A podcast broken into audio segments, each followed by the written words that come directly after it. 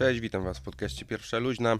Podcaście o ludziach, a konkretnie o takich, którzy trenują chwytane sporty walki. Jeśli odcinek Ci się spodoba, zostaw lajka lub udostępnij go dalej. Będę Ci bardzo wdzięczny.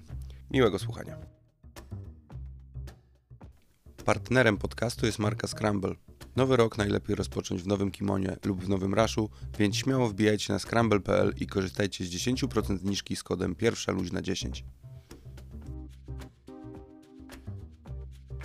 Moim dzisiejszym gościem jest Paulina Klimek, pracownica KSW i niebieski pas brazylijskiego jiu-jitsu. Pogadaliśmy m.in. o tym, co jest substancją aktywną w uzależnieniu od BJJ, jak bardzo skomplikowaną sprawą jest organizacja takiej gali jak KSW, a także jej pasji do kaligrafii i liternictwa. Miłego słuchania. Cześć Paulina. Witam Cię, hej. Jesteś prowadzącą ważenia w KSW, ale z tego co wiem, Twoja współpraca z KSW jest już taka na pełen etat, że tak powiem. Jakie są jeszcze Twoje obowiązki w KSW poza prowadzeniem tych ceremonii ważenia? Mhm. E, Myślę, że najlepiej można to porównać do takiego efektu kuli śniegowej, bo zaczęło się od bardzo drobnych obowiązków, e, kiedy jeszcze byłam tylko tak naprawdę na wypożyczenie, bo jednocześnie pracowałam e, jeszcze dla Indecage, tam robiłam swoje misje, spełniałam się jako redaktor, tłumacz, autor artykułów i tak to sobie jakoś szło. E, I odezwał się do mnie Dominik Durnia, taka osoba też mocno znana z KSW, właśnie związana z tym profilem medialnym. I poprosił mnie o pomoc w takich drobnych rzeczach tłumaczeniowych, jakichś napisach, przekładach z y, wywiadów w klatce, które były potrzebne ASAP, tak? Jeżeli możemy w ten sposób to nazwać. Eee, I ja się zgodziłam, i to były takie drobne podsyłane linki z YouTube'a. Tu potrzebujemy po angielsku, tu z czasem coś tam wiadomo z Saladinem po francusku, siabadaba, no i poszło. Potem przyszedł COVID. E, I okazało się, że trzeba wyjść do takiego fana, który siedzi w domu i skroluje, prawda, podczas lockdownu. Mm, Że potrzebujemy takiego rodzaju e, zawartości, żeby wyjść z inicjatywą do, do tego siedzącego w domu człowieka, e, więc potrzebujemy uaktywnić mocno nasze social media. Stąd też pomysł właśnie taki, takich rozmów backstage, bezpośrednio po walkach, gdzie ja mam taki priorytet nawet przed e, medical checkiem. Jeżeli zawodnik oczywiście jest w stanie. Oddycha. E, tak, oddycha, nie ma ran ciętych, które trzeba szyć. Jeżeli saturacja jest ok, e, to wtedy nawet ja mam priorytet. I moim zadaniem jest wyciągnąć z tego zawodnika wtedy takie e, naj, największą emocjonalność, jaką on jeszcze w sobie dusi, tak? On nie może się wystrzelać. To mogą być merytoryczne wywiady, czasem są, e, bo ja na przykład bardzo lubię czytać walkę i lubię pytać o takie aspekty merytoryczne, techniczne. E, I potem właśnie dostałam jeszcze to. Z czasem się okazało, że mój angielski gdzieś tam może się przydać, e, więc na przykład anonse, które gdzieś tam e, kasta e, używa, tak, kiedy zapowiada do walkoutu zawodników, to często też są moje słowa. Oprócz tego, co tam, ścianka medialna, tłumaczenie zawodników podczas Media Dayu, Q&A, bardzo fajny panel, który po, polubiłam. Przed ceremonią ważenia pół godziny zawsze jest jakiś tam e, zapraszany zawodnik, e, z którym po prostu sobie rozmawiam na takie, a nie inne tematy i od niedawna również też prowadzenie strefy fana w sobotę na trzy godziny przed rozpoczęciem gali, także e, to się tak wydaje, że ja pracuję podczas gali, a tak naprawdę teraz podczas Fight Weeku, a tak naprawdę to tydzień przed Fight Weekiem i tydzień jeszcze po zamykam wszystkie swoje obowiązki, bo wypuszczamy też e, różnego rodzaju takie kulisy i ja też wtedy robię tam napisy, coś tam pomagam. Namnożyło się taki efekt kuli śniegowej, czyli od drobnych tłumaczeń po naprawdę duże takie performerskie e, obowiązki. Mhm. A skąd e, takie zdolności lingwistyczne? Tu w angielski perfekt, francuski jeszcze. Coś jeszcze? Może, może więcej jest tych języków? E, wydaje mi się, znaczy robiłam sobie takie testy, bo też troszeczkę siedzę w psychologii, jakoś w jakiś sposób mnie to interesuje, e, że mam taki właśnie językowy typ e, inteligencji, w jakiś sposób po prostu syntetyzuję e, takie gramatyczne, hermetyczne, logiczne systemy, na jakich oparta jest gramatyka w językach i tak dalej, ale z drugiej strony jest to na tyle plastyczny, miękki twór, bo każdy język jest żywy i ewoluuje, no że dobrze mi się z tym pracuje. Gdzieś tam moi rodzice szybko to wychwycili, że, że jest ten y, dar powiedzmy do tych języków i skończyłam sobie filologię o takim szerokim językoznawczym profilu właśnie w Poznaniu na ułamie. Pozdrawiam wszystkich, e, którym mogę zawdzięczać gdzieś tam ten swój progres, w którą stronę to poszło, ale jeszcze żeby było mało, to swój rodzimy język też dopieściłam, bo jeszcze też mam magisterkę z y, polonistyki. No proszę. Tak. No to pięknie. Starocerkiewnosłowiański był przerabiany? Były SCS, były Jery, były wszystkie dziwne znaczki. Mieliśmy nawet y, u siebie na roku takiego chłopaka, który z Jerami sobie kompletnie nie radził i stwierdził, że jak zda z nich egzamin, to sobie Jera wytatuuje w nagrodę i ma tego Jera, nie? Mm, super. Takie tatuaże lubię, które mają jakieś super znaczenie. E, a jakbyś mogła, miała czas i możliwości, żeby poświęcić go na naukę jakiegoś dowolnego języka, to jaki byś sobie język wybrała? E, Na pewno nie, nie czuję się na tyle odważna, żeby wyjść poza nasz krąg kulturowy, czyli bardzo te wszystkie języki indoeuropejskie mnie w jakiś sposób y, intrygują, fascynują. E, no i z każdym kolejnym europejskim jest się łatwiej nauczyć nowego, więc ten angielski, niemiecki, francuski, którego już dotknęłam, ta cyrylica, którą umiem czytać, co prawda no, nie rozumiem rosyjskiego, ale operuję e, jakby znakami.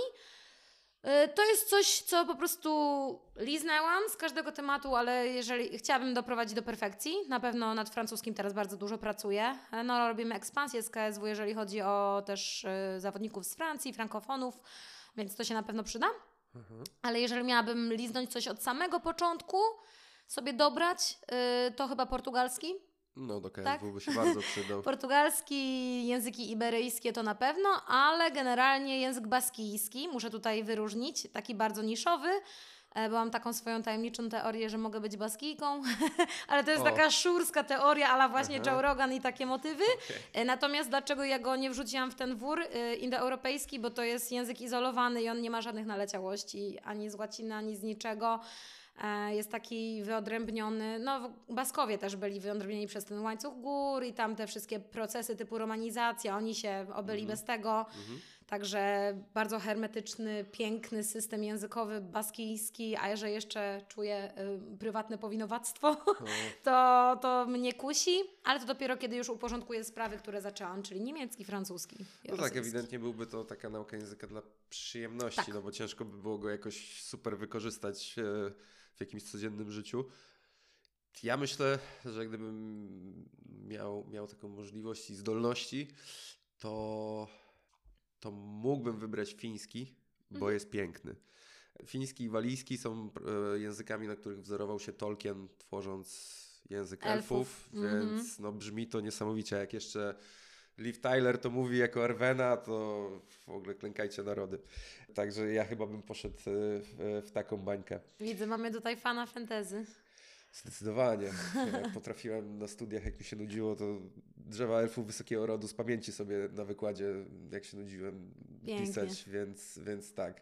A ty też lubisz? E, Ja jestem bardziej e, team Marvel, Okej. tak, team Marvel, team Dragon Ball, bardzo mocno. O, Moi bracia to w ogóle są jacyś tacy, no w topce naszego kraju bym postawiła ich wiedzę, ich zaangażowanie, jeśli chodzi o Dragon Balla, także też czuję się mocno i kompetentnie, oczywiście Okej. nie dorastając im do pięt, ale Okej. mój brat Robert raczej nie będzie słuchał tego podca- podcastu, ale zawdzięczam mu te kompetencje, bo naprawdę to jest człowiek, który kiedy gdzieś tam pojawiały się jakieś rzeczy w Europie, to on już dawno miał je z Japonii, e, mówię o różnego rodzaju filmach, jakichś, jakichś, e, jakichś pierwszych... E, nie wiem, odcinkach, nowych e, serii kinowych, jakieś gadżety, zabawki, ma taki pokój. No mega wkręcony chłop, nie? no to kto jest twoją ulubioną postacią z Dragon Balla? Y, Moją ulubioną postacią z y, Dragon Balla jest Kid Buu. Kirbu? Kid Buu, tak? Czyli os- A, ostatnia, okej, okej. ostatnia ewolucja Bubu, powiedzmy, Bubu, tak? Tak. E, bo jest, y, mimo niepozornego, drobnego ciałka, dysponuje olbrzymim potencjałem Mhm. e, siły, tak? Czyżbyś Y, się utożsamiała? Może, może troszeczkę i to jest na pewno, nawet mam case'a z Kidbu i y, tak, i w ogóle jest słodki, jest bardzo ładnie za mm, design tej postaci też bardzo mnie interesuje, gdzieś tam estetycznie mi odpowiada y, mały, różowy, fajny, słodki, taki, taki kochany, y, a jednocześnie no przerażający tą swoją potęgą, prawda? Y, druga osoba, taki crush, jakbym powiedziała tak z kobiecej Okej. strony, No, no, no, no. to jest Future Trunks, na pewno, z Okej. tym swoim mieczem. Ojeju, nawet mam katanę z nim, no taki właśnie niedostępny introwertyk. Mega tutaj serduszko bije, nawet teraz jak o tym mówię. A z kobiecych postaci to na pewno Widel. Widać. Bo to jest Okej. y, jedyna ziemianka, która opanowała na przykład sztukę latania w pełni ziemianka, tak? Nie mówię właśnie o pan, która gdzieś tam ma sajańskie jakieś mikrogeny w sobie, albo na przykład C18, która jednak wcześniej była cyborgiem.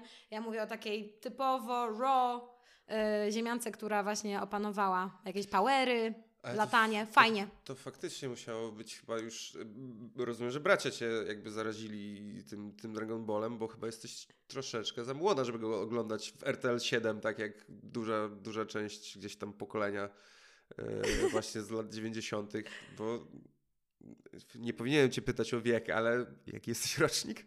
E, nie jestem za młoda, otóż to zdziwię. Tak faktycznie może przez, e, nie wiem, całość mnie to wydaje się, że jestem młodsza i zazwyczaj ludzie nie dają mi tyle lat, ile mam, ale e, jestem bardzo blisko trzydziestki. Okej, E, Generalnie w przyszłym roku zmiana kodu, także można sobie szybko policzyć. Okej, no dobra, no to... I zawsze mówię sobie, że urodziłam się w tym samym roku, w którym urodziło się UFC, więc y, gdzieś tam po prostu it was meant to be, że, że skończymy razem gdzieś tam ja i MMA, nie? Pięknie, bardzo, bardzo mi się podoba to połączenie. A wracając troszeczkę właśnie do Twojej e, roli w KSW, czy rzeczy, które robisz wokół MMA, trochę tego jest, ale czy jest coś jeszcze związanego z MMA, w czym chciałabyś się sprawdzić, czego jeszcze nie robiłaś? Wiem, że byłaś już raz konferencjerką na mniejszej gali, a może, nie wiem, komentatorka? Chciałabyś spróbować? Mam y, swoje jakieś tam doświadczenie w komentowaniu, kiedy na przykład bracia grają w FIFA, ja komentuję, Mhm. lub różnego rodzaju potyczki na zasadzie Mortal Kombat itp.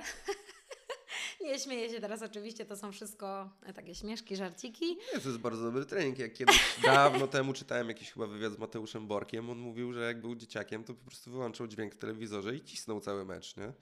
Jasne, jasne. Ja generalnie dużo też, e, jak na przykład oglądam UFC na Polsacie, no to sobie wyłączam, tak. Lubię sobie tak popatrzeć, poczytać walkę sama. E, amerykański komentarz bardzo doceniam i lubię posłuchać. Chociaż ostatnio narzekam na tę stronniczość, nie? DC jest stronniczy, staram się... John Anik jest taki no, bardzo profesjonalny w tym, co robi, więc tutaj spoko. E, Rogan to jest taki, że i tak go kocham i będę go kochać zawsze, mimo że ma swoje lepsze i gorsze momenty, prawda? Ale no to jest, to jest taki człowiek, po prostu mięknie serce, tak? Symbol. Symbol, dokładnie, człowiek symbol, człowiek ikona. E, Nie, nie chciałabym spróbować, szczerze mówiąc, konferencjerki. E, Nie, przepraszam, e, komentatorki, tak? Okej. Zostawiam to Dominikowi, Maćkowi, Turskiemu. Oni fajnie sobie z tym radzą. Marian Ziłkowski podobno super się sprawdził na ostatniej gali. E, Nie miałam okazji jeszcze tego sprawdzić na własnej skórze, na własnych uszach, tak? Aha. Ale y, na pewno do tego wrócę kiedyś tam. Co bym chciała zrobić? No wywiady w klatce.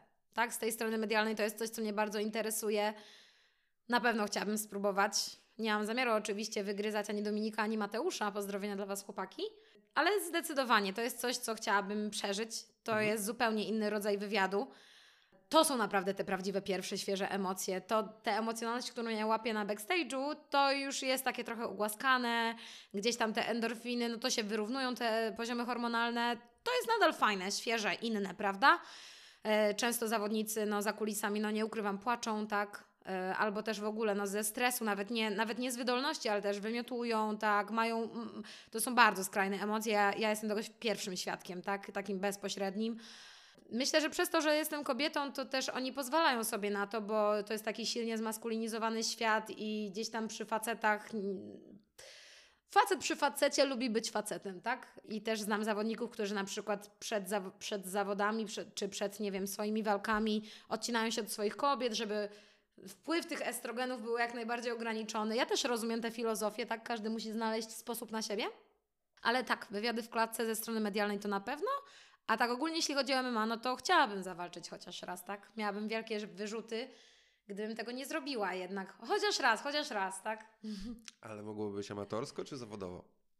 Nie jarają mnie ligi, tak? Jak na przykład jakaś Alma albo MMA Polska organizacja.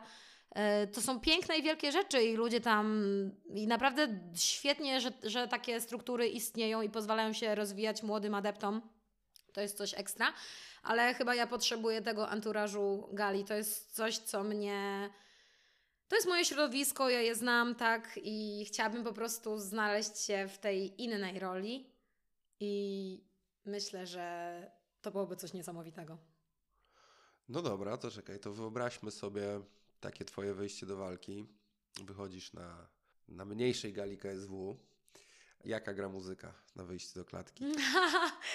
Wiesz co, to jest akurat takie pytanie, na które naprawdę nie mam odpowiedzi. Jak to? Nie, bardzo, masz, nie masz piosenki do klatki? Mam, mam kilka piosenek, tylko właśnie w tym jest szkopuł, że jest ich kilka, więc już musiałabym kilka tych walk mieć, tak? Kontrakt na cztery co najmniej, okej? Okej.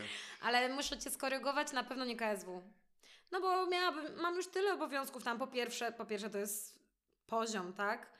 To, że tam sobie zaczęłam walczyć w jiu-jitsu i że mam jakąś tam historię w tej stójce, to nic tam nie oznacza, nie? Oczywiście są osoby, które zaczynały w KSW i swoje debiuty robiły i radzą sobie dalej i prowadzą te swoje kariery, ale to nie jest dla mnie miejsce, tak uważam.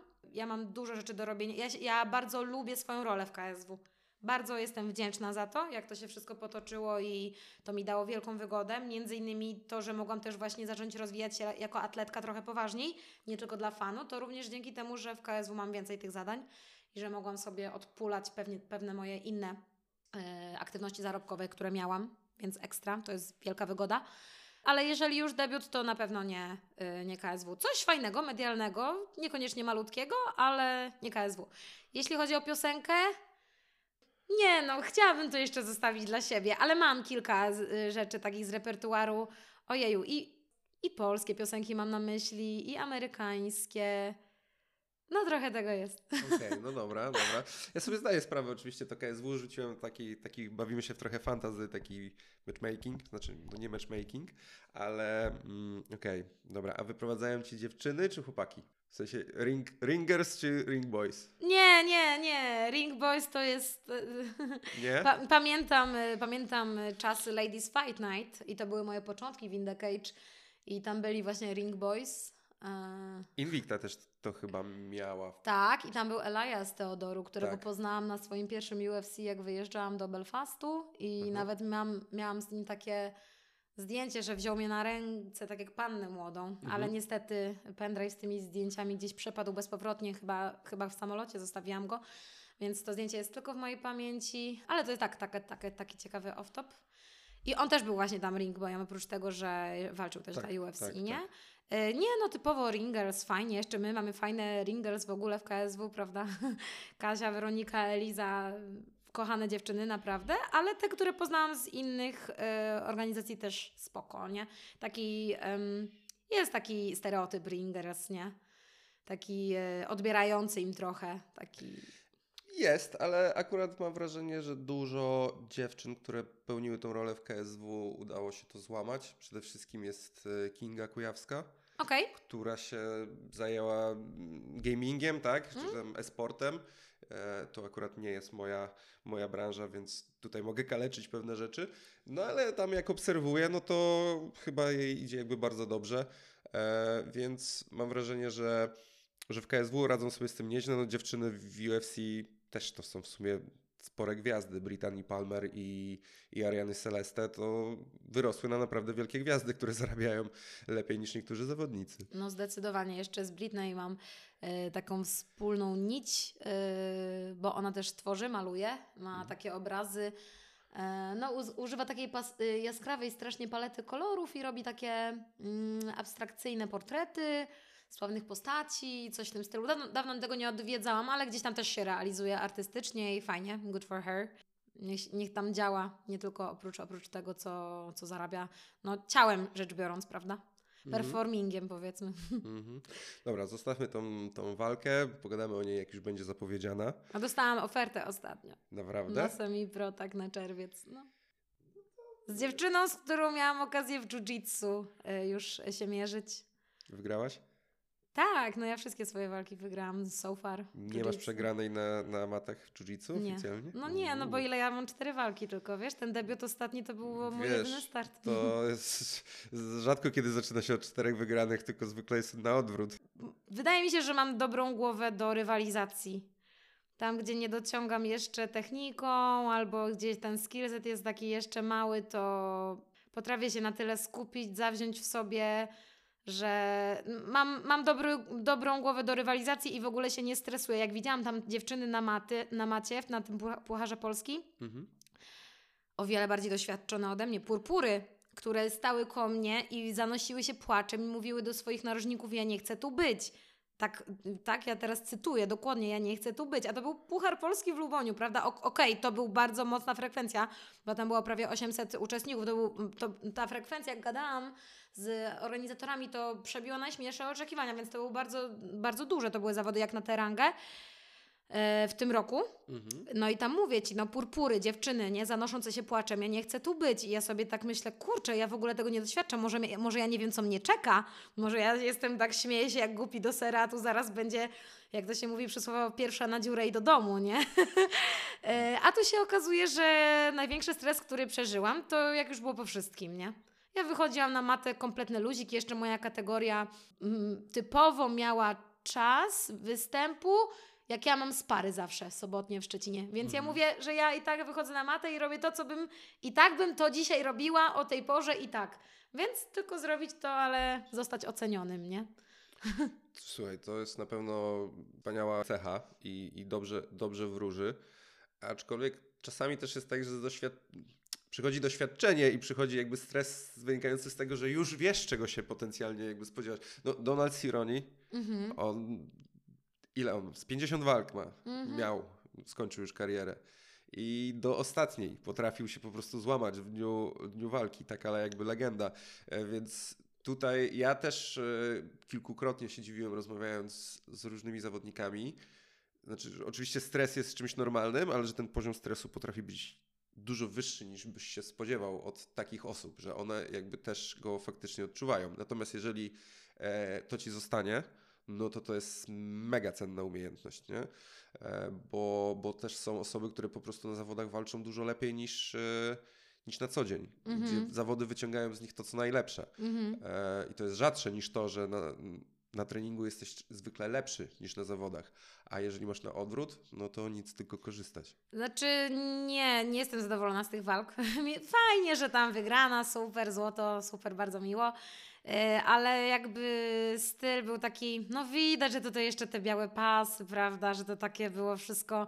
Jak potem oglądałam te filmiki, to mi było, normalnie mi było przykro, że to tak wygląda z boku, powiem Ci, naprawdę. Miałam... że co, że takie zdominowałaś?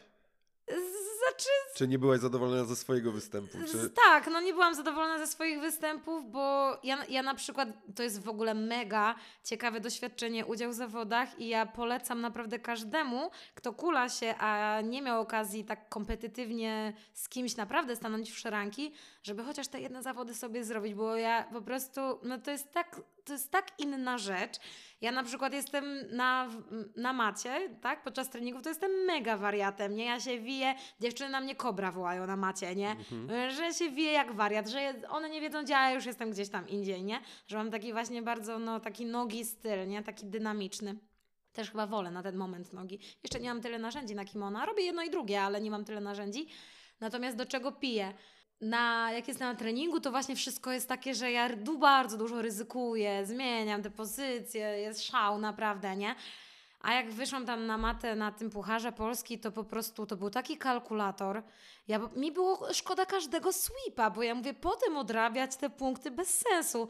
To ja wolę presja, obalanie i sobie z góry pracować, tak?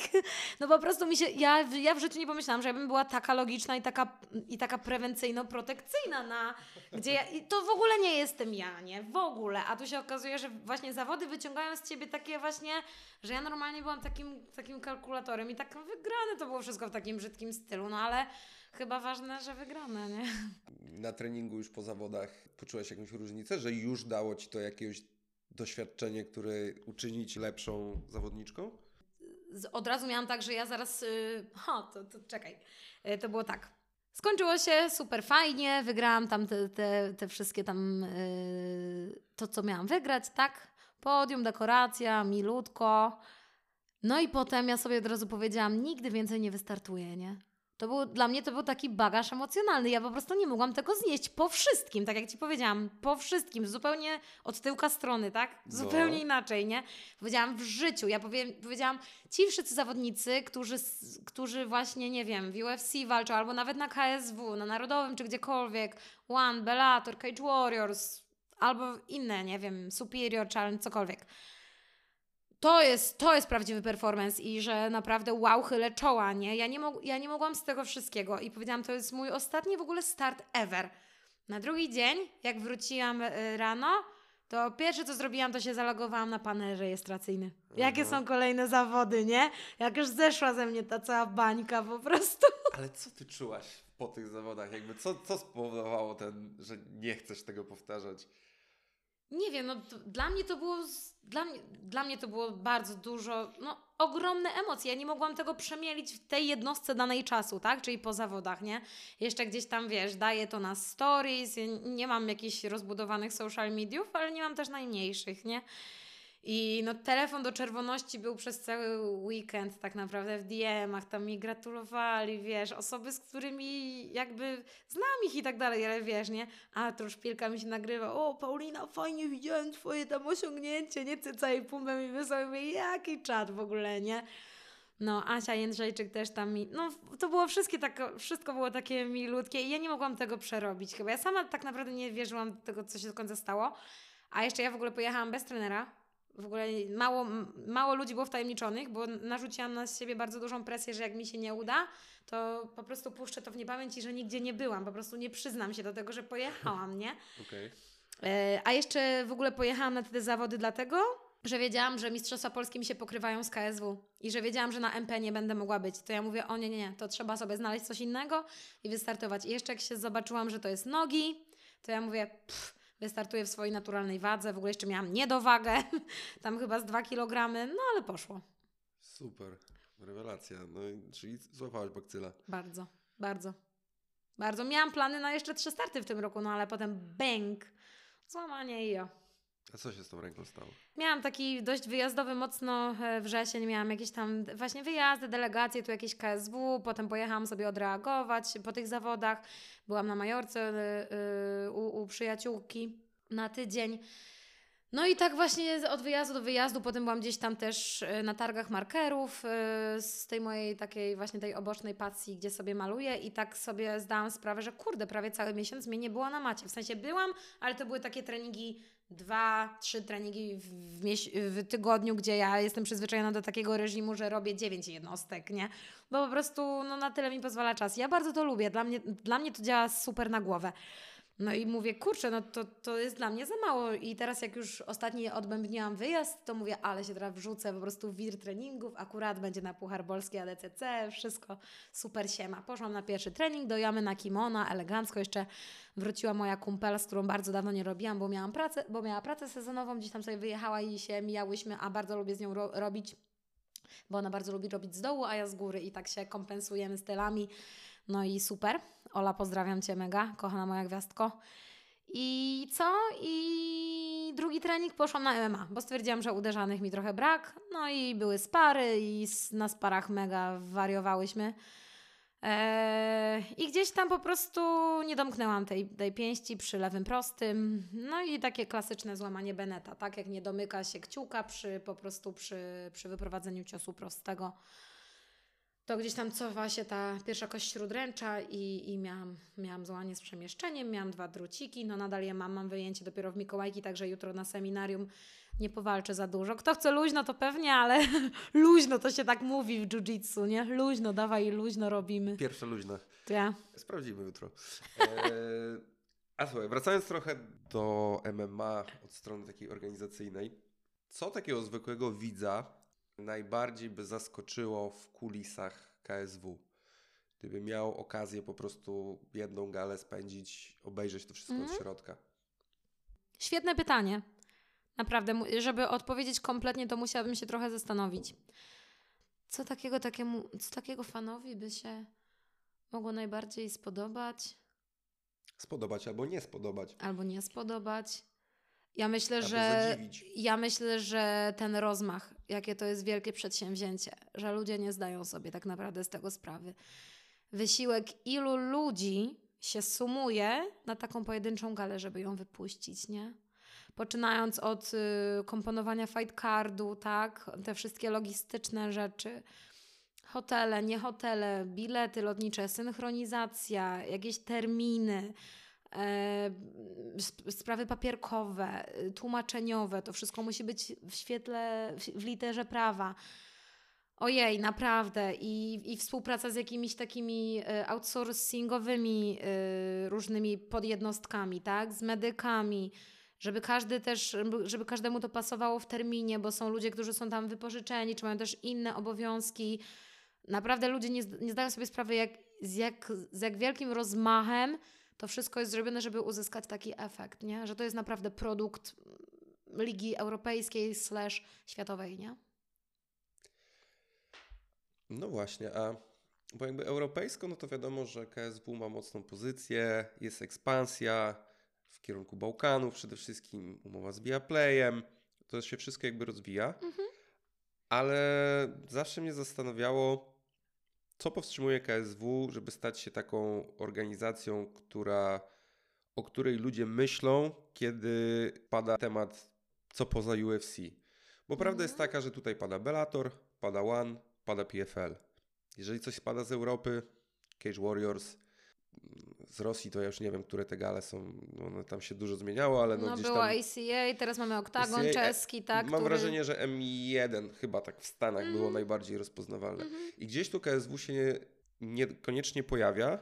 Pytanie jakby dlaczego? Ja pamiętam, pamiętam taki moment, że się zirytowałem strasznie, jak e, słuchałem jakiegoś podcastu Rogana Mhm. i pojawił się temat Pudziana i on rzucił, gdzie on walczy? Gdzieś, gdzieś w Rosji, nie? Mhm. Ja wiem, że Joe Rogan pewne rzeczy no jakby traktuje po macoszemu, no ale jeżeli jednak komentator nie zna KSW, zapala się lampka. Tam- Pamiętam, że po gali na Narodowym też uważałem, że strasznie zmarnowany potencjał. Robisz drugą największą galę na świecie po Saitamie, tak? Były jakieś zmianki na Bloody Elbow i tak dalej, ale to powinien być w ogóle szał. I teraz pytanie, czy coś KSW ogranicza, czy to jest kwestia jakiegoś strategii? Jak, jak ty to widzisz? Mhm. Tu znowu bardzo dużo robi perspektywa, nie? Jakby punkt widzenia zależy od punktu siedzenia. Ja na przykład y, bardzo podoba mi się ten kierunek, który teraz obrało KSW, tak? Czyli na rzecz y, jakiejś takiej komercyjności, że tych takich em, freak fightów, super fightów, chociaż super, fi- no, super fightów nie jest aż tak mało, nie? Teraz zaraz mamy w grudniu w Gliwicach. Taki nawet trochę freak powiedziałabym, mocno freak.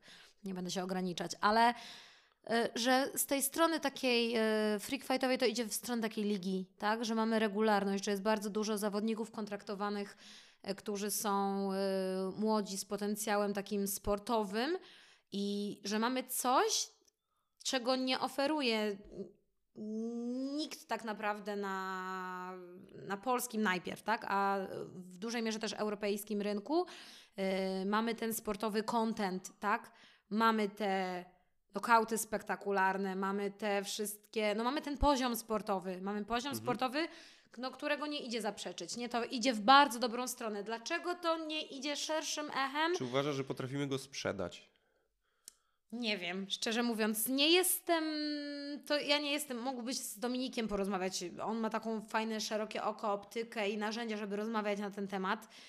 Wiem, że jest bardzo dużo ludzi, którzy pracują y, ku, ku temu, żeby to się roznosiło, żeby właśnie była ta ekspansja, tak? Uruchamiane są takie kanały jak właśnie KSW International y, na YouTubie, żeby, żeby właśnie wyjść z inicjatywą do tego fana również zagranicznego.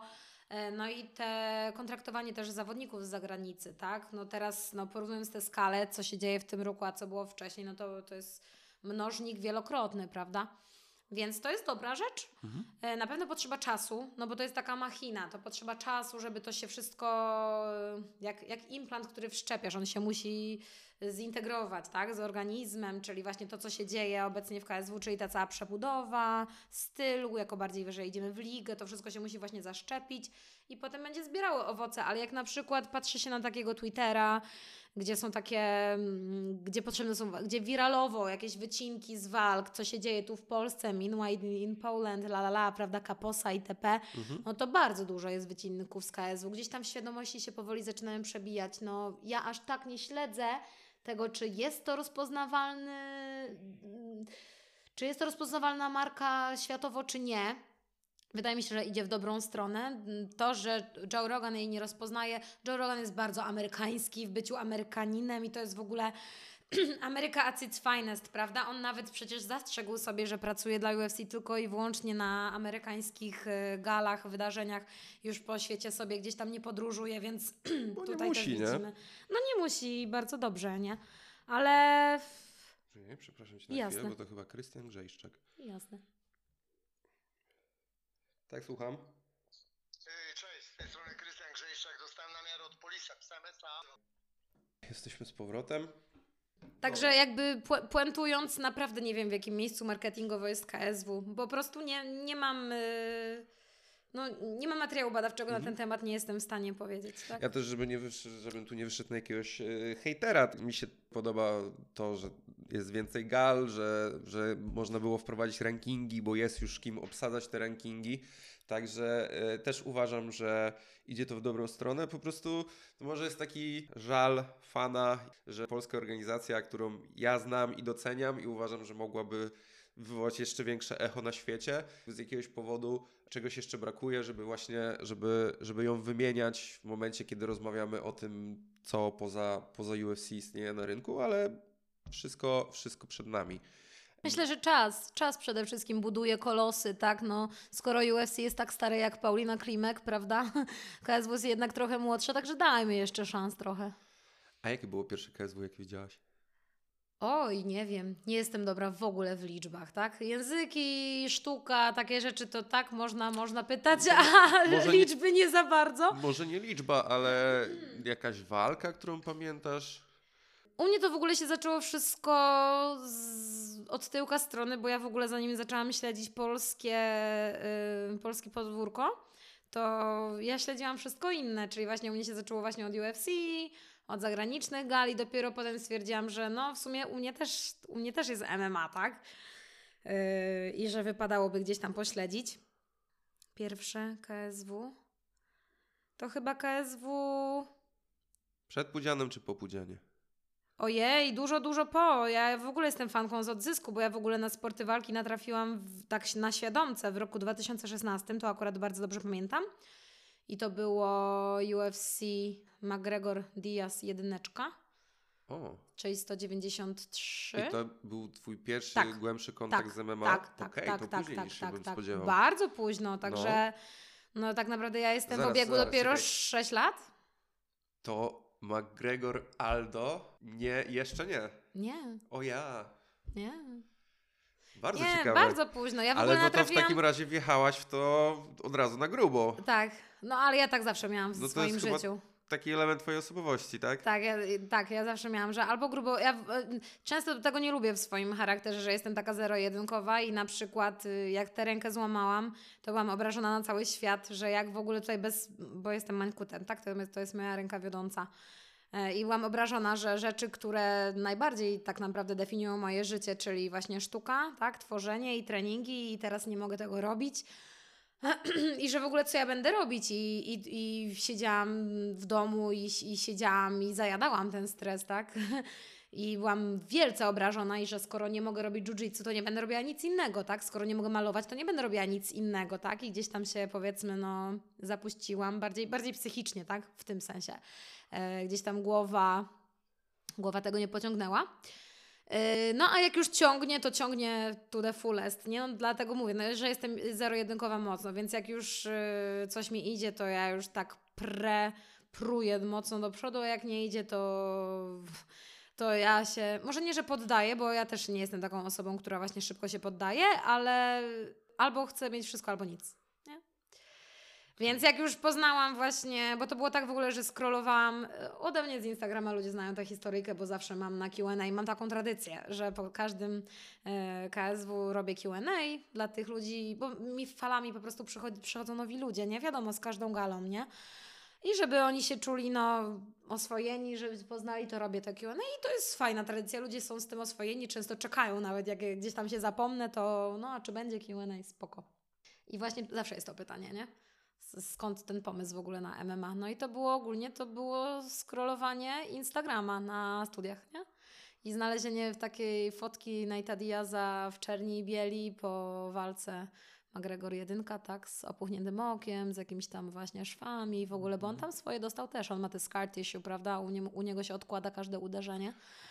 Eee, I ja mówię, ja mówię, co to za typek, co to, o co w ogóle chodzi, nie? Po prostu przeszyło mi to serce i tak właśnie e, e, nitką do kłębka, tak najpierw wszystkiego, walki, potem walki i wywiady, walki, wywiady, konferencje, walki, wywiady, konferencje i całe gale. Całe gale, na których on występował, całe karty i potem już całe gale, wszystkie inne i tak poszło, nie? Potem sobie nadrabiałam, nadrabiałam sobie rondę, Holly, nadrabiałam sobie, ojej, bardzo dużo alt sobie nadrabiałam, dużo fajnych rzeczy, nie? Joela Romero, Hafaldo Saniosa, y, to jest taki jeden z takich moich właśnie faworytów, Vicente Luque, mega, nie? I tak y, się uczyłam, uczyłam się tego sportu od tyłka strony, nie? I tak, czyli to był marzec 2016, a KSW to pamiętam, że oglądałam z y, ludźmi z forum Kochones w Krakowie i tam, co pamiętam, to, że Kasia Lubońska się biła z Arian Lipski. I nie wiem, jaki to był numer gali, ale to była właśnie pierwsza gala KSW, którą tak oglądałam na świadomce, że już MMA, coś tam, nie? Mm, Czyli 2016 rok. Okej. To- Czyli bardzo niedawno. Tak, stosunkowo niedawno. No. Jak, e, no ja muszę powiedzieć, że pierwszy mój w ogóle kontakt z MMA to były jakieś highlighty z UFC tych wczesnych. Tank Abbott, Mhm. Wiktor Belfort. Wit- Witor Belfort z TRT. tym swoim knockoutem rękoma TRT przez Witor. całą klatkę. Nie, nie, jeszcze nie TRT Witor, to młody, Jeszcze nie. 19-letni Witor. Aż tak, Tak, okej, ale to, okej. to takie highlighty w czasach, kiedy internet się przynosiło sobie na płytach, nie? Kumam. I potem są dwie rzeczy. To jest Paweł Nastula w Pride. Bardzo ważne jakby dla mnie wydarzenie. Mhm. I teraz to jest ciekawe, bo pierwsze KSW, które pamiętam, widziałem szóstkę i, jedyn, i jedynkę, albo Okej. dwójkę. Okej. Szóstka to jest Materla Kułak. Mhm. Swoją drogą dzisiaj już zapomniane, wtedy jeden z największych rywalizacji i największych beefów w MMA. Ever, nie? Oni tak. się tam nie Na znosili. I chyba najpierw widziałem szóstkę, a potem zobaczyłem jakąś powtórkę chyba finału Chmielewski-Juras z dwójki, Mhm, nie? Mhm. Więc to są dosyć, dosyć wczesne czasy. No a z Nastulą, no z Nastulą to było niesamowite, ale to są czasy, w których no, na niego pomyje wylewano, nie? Za to. Rafał Kubacki siedział w telewizji i cały czas mówił, że to są walki psów, nie? I że to jest Mhm. niegodne olimpijczyka. Jasne. A z kolei w Japonii to, to też było niesamowite, no bo przychodzi gość, wybitny judoka, owszem, ale w MMA świeżak. Natomiast podejście Japończyków było takie, oni tam go uwielbiali swoją drogą, on był bohaterem w Japonii, on wprawdzie miał tylko jeden tytuł olimpijski, ale on tam chyba przez 6 lat nie przegrał walki. No i podejście japońskie, wspaniały mistrz. Nie obrazimy go dając mu jakiegoś lamusa, więc kogo dostał w debiucie? Big Noga top 3 wtedy na świecie, tak na lajcie, nie? No, robił co mógł. Druga walka, Josh Barnett. Świetna walka, naprawdę dobrze mu szło, tam się spompował w końcówce. Trzecia walka, Aleks Emelianienko. Po prostu Dobry streak, co? Wspaniały, no, w czwartej walce dopiero wygrał. Ale no, to dla mnie był w ogóle definiujący moment, jeśli chodzi o MMA. No to nie, to ja, to, ja, to ja jeszcze wtedy albo siedziałam w lekkiej atletyce, albo w, już w ciężkiej wtedy, w, w trójboju siłowym, bo no, bo trochę tych dyscyplin Robiłaś się trójbój przed- siłowy? Robiłam, byłam w kadrze akademickiej na ułamie. No, Wow. no. Miałam bardzo dobry martwy ciąg.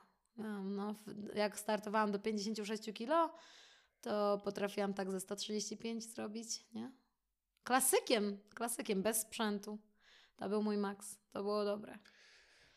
Uchylam teraz czapki. Ale to było dawno nie, nie i nie, widać, ale... To było dawno i nieprawda, nie? Byłam małym koksem. No, ewidentnie. No. Bardzo, bardzo ciekawe. Więc myślę, że to może stąd się bierze to, że gdzieś tam w jiu-jitsu się odnajduje, bo te kompetencje z innych dyscyplin, które całe życie robiłam, tak, tak jak powiedziałam, wymieniłam te wcześniej lekkoatletykę, bo biegałam na średnie, długie, mam parę półmaratonów za sobą też, nie? Także No wydolnościowo jest okej. Na pewno też wysoka etyka pracy, prawda? Mhm. Lubię, lubię. No, więc, więc y, po prostu nie, nie jestem z pierwszej łapanki i właśnie to jest jiu-jitsu takiego, to jest takie piękne, że możesz zacząć tak naprawdę zawsze i zawsze znajdziesz coś dla siebie i nawet, za, nawet, nawet możesz siebie sprawdzić na poziomie takim kompetytywnym, nie? A ja zawsze miałam taką, yy, ta, taką zadreń niespełnionego sportowca, bo te dyscypliny, które wymieniłam, ja zawsze coś robiłam, ale, nie, ale zawsze na poziomie, ki- kiedy trzeba było się sprawdzić, to już gdzieś tam działo się w moim życiu coś, że ja już od, odpuszczałam to trenowanie i nie znalazłam na tyle tej pasji, żeby móc się zawziąć. Widocznie to nie było to, nie było to nie? A sporty walki jak w Depłam w 2016, no to mamy 2022, no jest intensywnie i jest coraz lepiej. Super.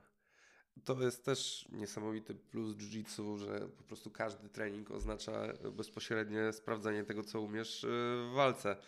Yy, Jak ja sobie trochę pochodziłem na stójkę, na grupę początkującą, no oczywiście dużo się nauczyłem, ale e, brak sparingów, tudzież jakieś tam ewentualnie były zabawy tylko na lewą rękę czy coś takiego. Po, po tylu latach robienia jiu-jitsu, no to, no to było dziwne, nie? Jak na treningu musi być sparring. To nie wiem, czy mógłbym robić jiu-jitsu, gdyby, gdyby na przykład na treningach walk nie było, tylko walki są na przykład raz w tygodniu. Specjalny Mhm. tylko trening ten. Co Mhm. i tak mamy, tak? Dwa razy w tygodniu e, same walki. To nie wiem, czy to by za, zadziałało. To już się od tego sprawdzenia w każdej chwili uzależniłem raczej. I to jest niesamowicie uzależniające w jiu-jitsu. No to ja pamiętam, że zanim zdecydowałam się w końcu na jiu-jitsu w takiej formie, w jakiej powinnam, a to było dopiero w marcu, nie, w maju tego roku, tak? To wcześniej właśnie 6 lat y, gdzieś tam romansowałam z tą y, stójką, robiłam tajski jeszcze jak mieszkałam w Poznaniu, potem troszkę w Katowicach, y, bardzo troszkę. E, I jak przyjechałam tutaj z powrotem w styczniu do miasta rodzinnego, to też ścisnęłam tę stójkę, stójkę, stójkę, no ale y, nie mogłam, że tak powiem, no nasz szef wszystkich szefów Bagi, no mówi, chyba nie będziesz do berserkerów wchodziła i nie robiła jiu-jitsu, co? No nie, nie było, nie było takiej opcji, No, no, i się nie odmawia, nie? nie, nie, nie, absolutnie. To nie jest kwestia odmawiania, to jest po prostu kwestia, proszę, widzę Cię tu na treningu, tak? e, tak, no i przyszłam y, w kwietniu, pod koniec kwietnia do jamy. Do jamy na pierwszy trening i, i, i, i ugrzęzłam, nie? No, ja ma świetny trener. Pamiętam, byłem na obozie w Starym Kaleńsku w 2011. Mhm. E, przejście półgardy, które wtedy pokazał, używam do dzisiaj prawie codziennie. Także, także dla Jamy tutaj szacuneczek. Ja pamiętam właśnie w czasach, kiedy zaczynałem, no on był jednym z czołowych zawodników. Można powiedzieć, że dalej jest, wjechał na MP i porobił blachy, nie? Prawda? Dwa E, złota. ale po prostu on był gdzieś tam w takiej topce, o której się najwięcej mówiło, która regularnie startowała. Fajnie, że do dzisiaj e, jest na macie i, i robi wyniki. Wracając jeszcze troszeczkę do MMA Pewnie. i do Twoich szerokiej puli kompetencji związanych z tym sportem, myślisz, że byłabyś w stanie zorganizować galę MMA samodzielnie? Oczywiście no masz budżet. Odłączamy jakby organizowanie budżetu. E, czy masz już wystarczająco kompetencji, wiedzy, doświadczenia, kontaktów, e, że zgodziłabyś się, gdyby powierzono ci budżet na zorganizowanie? Oczywiście pierwszej gali, czyli nie, nie robisz od razu narodowego. Jak, jak, jak, byś, jak byś się czuła? Czy to jest coś, co byś się podjęła? E, Na pewno znam odpowiednich ludzi, tak? Znam odpowiednich ludzi, więc y, skompletowałabym zespół. Mam takich ludzi, którzy. Myślę, że znam ludzi do każdej gałęzi, która jest potrzebna, żeby, żeby rozwinąć to drzewko y, zwane galą MMA. Że znalazłabym każdego, kogo bym potrzebowała do danych zadań. To na pewno te koneksje, a to jest bardzo ważne, bo to trzeba stworzyć ten zespół, tak? To nie jest sukces jed- jednej osoby, to jest tak jak powiedziałam, to jest wszystko, to jest rozmach, nie? Więc na pewno od jakichś matchmakerów, poprzez zespół medyczny, po jakichś logistyków, ochronę również, e, management zawodników, to nawet ja bym sobie tam gdzieś tam mogła zwerbować. E, więc tak, znam odpowiednich ludzi, czy, organ- czy to by pykło? Myślę, że tak. Myślę, że mam na tyle gdzieś tam jakichś kompetencji takich em, zdolności przywódczych czy liderskich, nie wiem jak to powiedzieć, ale e, żeby to miało ręce i nogi. Ale czy chciałabym coś takiego robić? Nie. W ogóle nie widzę siebie jako osobę, która organizuje galę. Mm-mm. Ja mogę być trybikiem w machinie, mogę sobie odpowiadać za media, czy za jakąś konferencjerkę, czy za jakiegoś rodzaju host, spoko, ale w ogóle jako by, bycie włodarzem tak, organizacji, czy jakimś tam organizatorem, nie, w ogóle, w ogóle mnie to nie interesuje, nie jara jakoś, to bardziej, żeby zawalczyć na przykład, nie, z tej strony. Ale tak, myślę, że poznałam już cały ten biznes na tyle od środka, że że wiedziałabym do kogo uderzyć, żeby zrobić taką galkę. No, Jak byś nazwała swoją galę? nie wiem. Nie wiem, naprawdę, nie, nie wiem. By- Wpadłabym na to, ale teraz jestem pod takim pres- presją bycia na mikrofonie i to nie jest takie proste, ale jakaś symbolika, coś tam by się wymyśliło. No. A jeżeli mogłabyś obsadzić w walce wieczoru, zrobić dowolny matchup, dowolny, nie masz żadnych ograniczeń, możesz Johna Jonesa wyciągnąć z UFC, to kto by był w twoim wymarzonym main evencie twojej gali? Pytanie, co ja uważam za mój wymarzony personalnie dla siebie, a co by się sprzedało na event, to są też dwie, dwa osobne jakby toki myślenia, No nie? to dobrze, to main event jest taki, żeby się sprzedała gala, a co-main event jest dla ciebie. Aha, no to wiadomo, że w main evencie na pewno Rose na Majunas. Yy, z, ro, yy, to jest w ogóle coś, co miało się wydarzyć w One i się nie wydarzyło.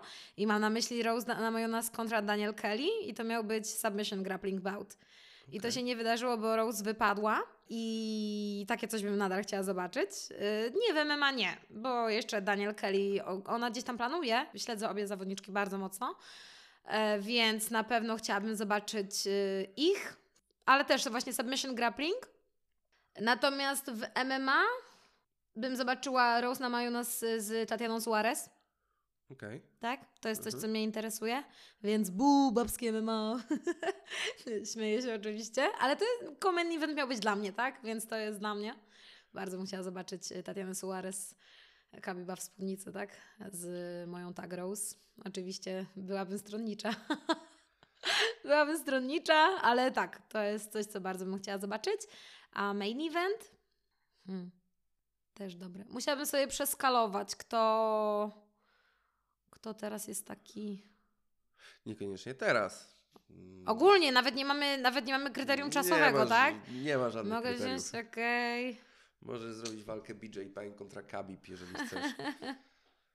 No to musiałabym wziąć McGregora, wiadomo, nie? To jest Okej. osoba, która kompletnie zmieniła. Zmieniła wszystko, nie? Wzięłabym McGregora.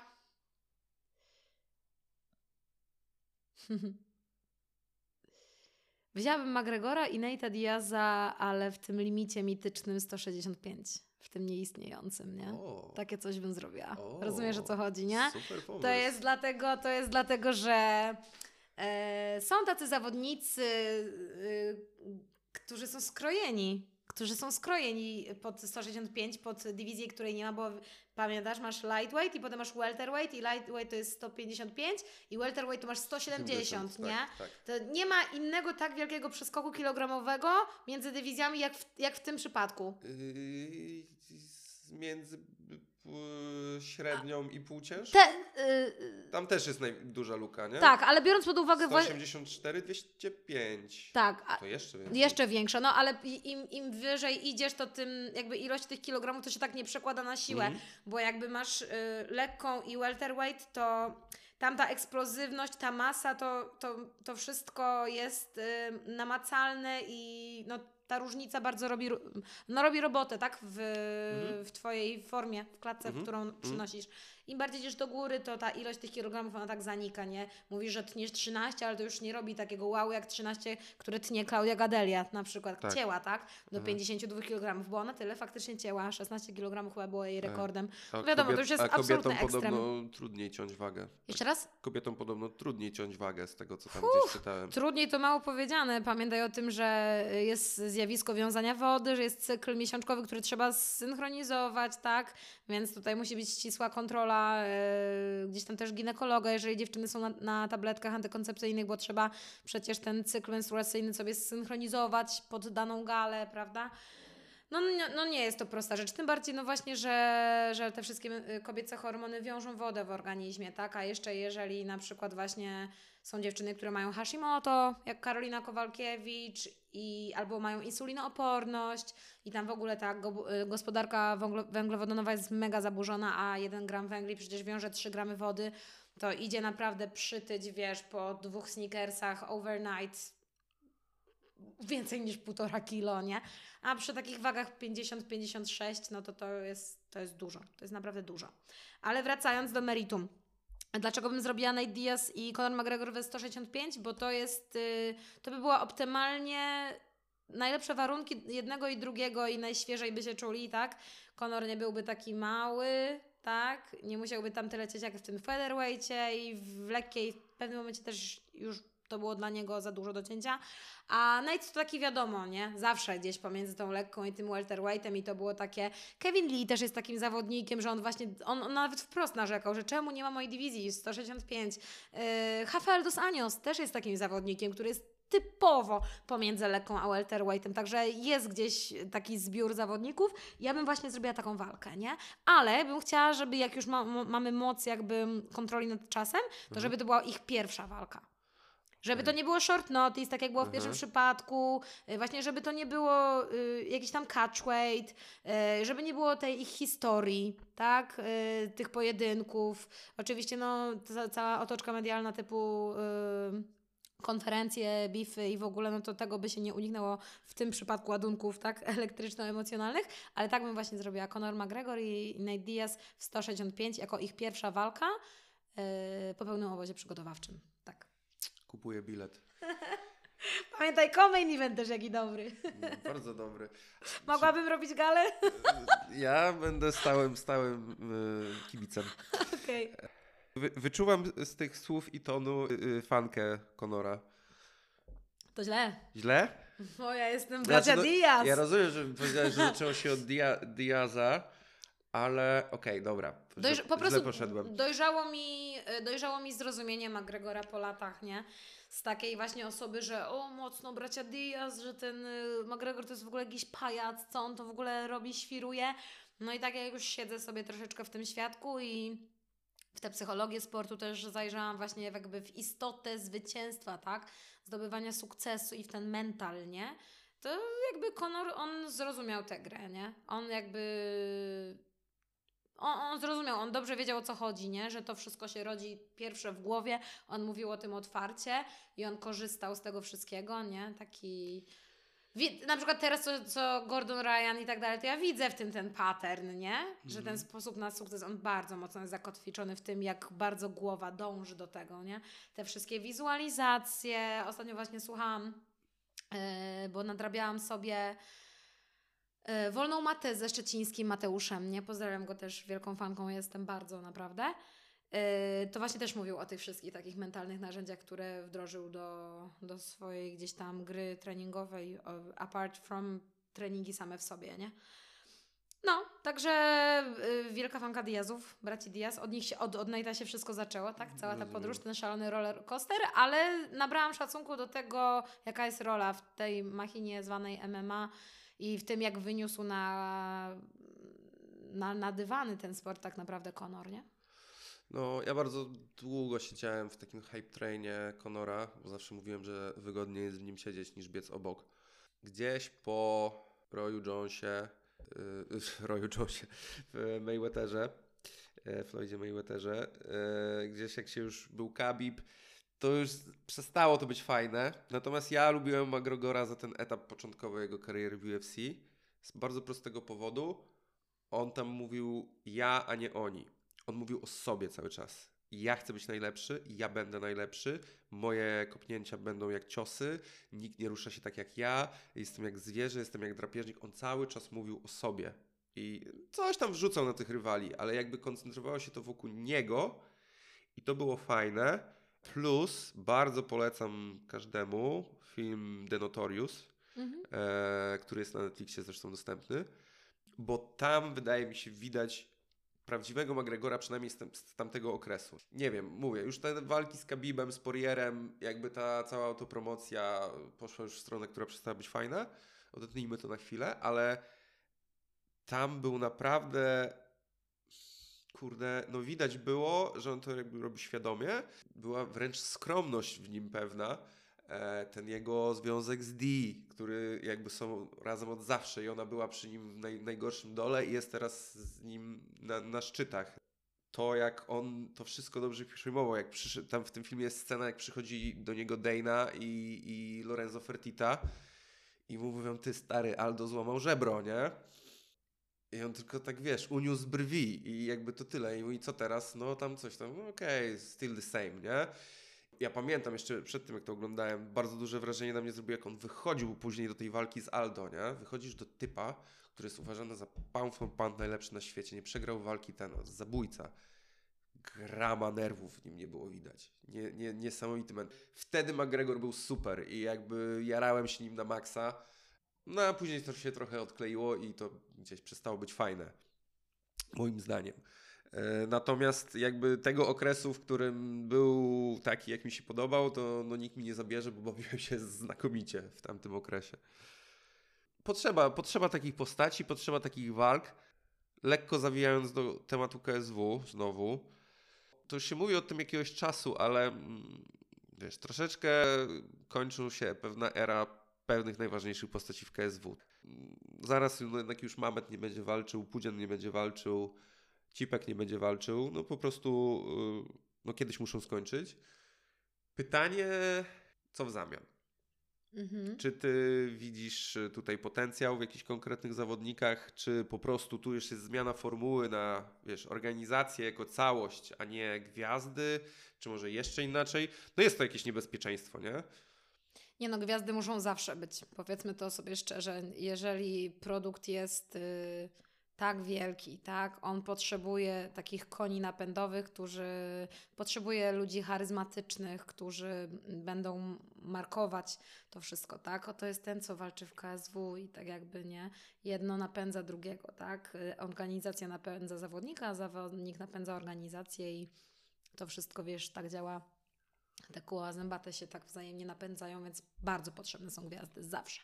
Im więcej, tym lepiej. To zawsze działa na korzyść, nie? E, nawet tutaj działa ta zasada, nieważne jakby mówili, ważne, że mówią. E, mam tutaj na myśli na przykład y, Tomka Narkuna, mojego kolegę z właśnie z klubu z Maty. Wprowadza mieszane uczucia, prawda? Mm, Nie jest zawodnikiem jakoś super wielce mówiąc. wielce lubianym. Natomiast jeżeli chodzi o zaangażowanie w sieci, jakie on generuje, no to zazwyczaj to są najlepiej oglądane materiały. Naj, największe wyświetlenia są z wywiadów właśnie z jego udziałem i największe, powiedzmy, te przysłowiowe dymy, czy jak są jakieś ceremonie ważenia, zawsze każdy wie, że może się czegoś po tym człowieku spodziewać, tak? Że możemy oczekiwać czegoś innego, czegoś, cokolwiek, tak? Że będzie jakaś akcja, że będzie że, że, Tomek Narkun jest reaktywny. On jest reaktywny, on reaguje na to, co się dzieje, a my reagujemy na to, co on ma y, do zaproponowania, prawda? I, i, I mimo to, że on nie, nie jest tak, że jest bożyszczem tłumów i go niosą, tak? y, na rękach, to on generuje to zainteresowanie. No generuje, no liczby nie kłamią. Tu jest właśnie ta, ta zasada, że nieważne jak mówili, byleby mówili, E, ale potrzebne są dobre gwiazdy, nie? Robert Ostolić był świetnym, był świetną osobą, która naprawdę, e, no, wykształtowaliśmy wielką gwiazdę, tak naprawdę, nie? Właśnie dzisiaj o czwartej ma swój debiut w One. Dzisiaj, dzisiaj, dzisiaj zobaczymy, w którą stronę to pójdzie. Tak, tak. Pewnie jak będzie wypuszczony ten podcast, już będzie po wszystkim. Ja jestem bardzo ciekawa. Nie, niestety nie będę oglądać na żywo, bo mamy seminarium. E, Więc będę chciała odespać, ale spokojnie sobie nadrobię sprawę.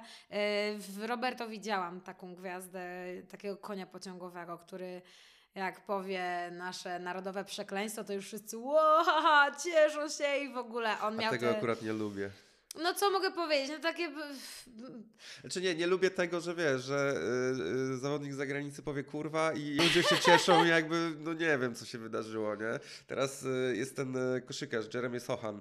On jest, no jest Polakiem, tak? No ale gdzieś tam chyba w Anglii wychowanym, z matka, chyba Amerykanka czy ojciec.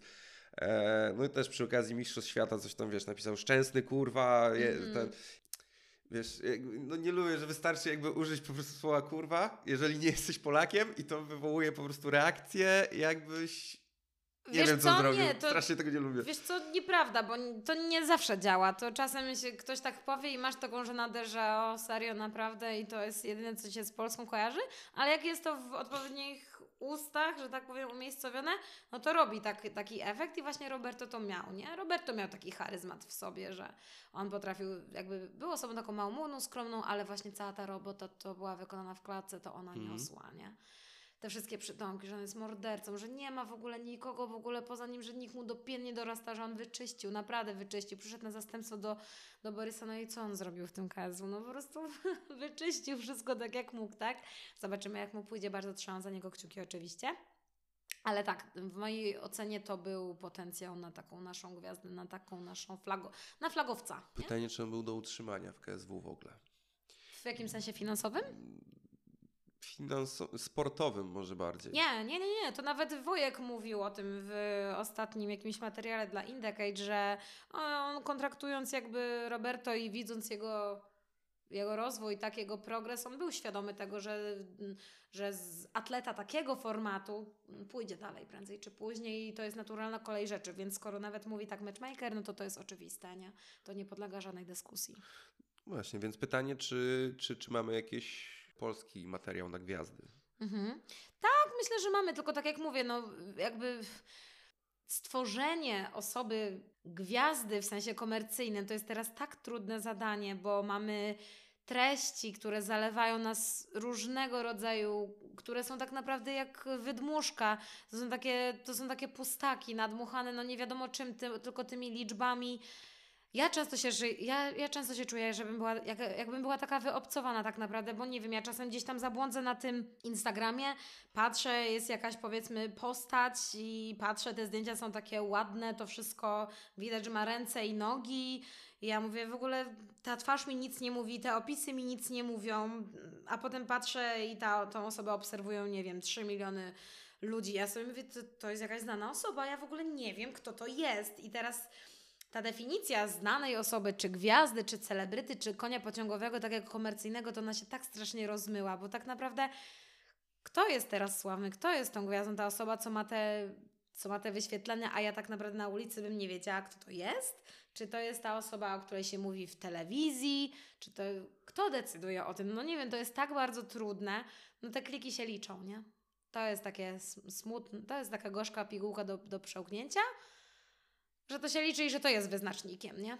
To jest wyznacznikiem. Ale czy mamy, w, wracając do pytania, osoby w KSW, które mają taki potencjał, by stać się taką gwiazdą? Tak, myślę, że tak, jak najbardziej, nie? Saladin Parnas, yy, Marian Ziółkowski, nie? To są takie osoby, które no, wyróżniają się. Myślę, że z tej mąki będzie chleb. Hmm. Zastanawiam się, czy chcę troszeczkę się pobawić w adwokata diabła. E, Saladin, tu może być ten sam problem co z Roberto, e, czyli że po prostu gdzieś ucieknie. Jeszcze nie uciekł, dłużej, dłużej niż nawet można by było przypuszczać.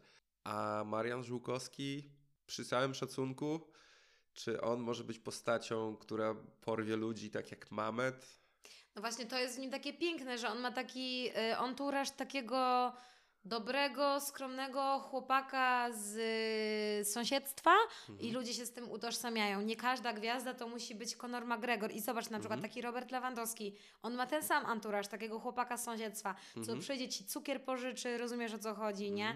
Ci możesz go spokojnie wysłać, żeby, albo możesz dzieci zostawić, żeby popilnował. To jest ten typ. I Marian Ziółkowski oferuje bardzo podobny bardzo podobną informację swoim ogólnym y, image, imidżem y, wysyła do, do fana, tak? Ja jestem spoko ziomek, nie? Ja nie pójdę z tobą na clubbing na całą noc, ale ja mi możesz powierzyć sekrety, nie? Że ci się na przykład nie układa z twoją żoną i że macie ciche dni. To jestem taki ziomeczkiem, co usiądziesz ze mną, obejrzymy filmik, y, nalejemy, piwka się wypijemy i ja, i ja będę powiernikiem twoich sekretów. I to też, to też są osoby, które przenoszą góry, naprawdę w takim sensie. Pomyśl tak o takim właśnie Lewandowskim, nie? On nie robi nie wiadomo czego, a jest niesamowicie charyzmatyczny, nie? I Mariana bym plasowała w tym samym vibe'ie, tak? Powiedzmy, że to jest ten sam vibe, nie? Okej, kurde, dobra jesteś. Podobnie przekonałaś. Diabeł nie ma szans z katoliczką praktykującą. Ja wyszedłem na diabła w tym. No tym powiedziałeś, równaniu. że adwokatem diabła jesteś, to No tak. team diabeł, team Jezus, to wiesz o co chodzi. Śmieję się oczywiście. Skacząc trochę w inny temat, była kiedyś taka dyskusja i jestem ciekaw Twojego zdania na ten temat. Co jest większe dla polskiego MMA?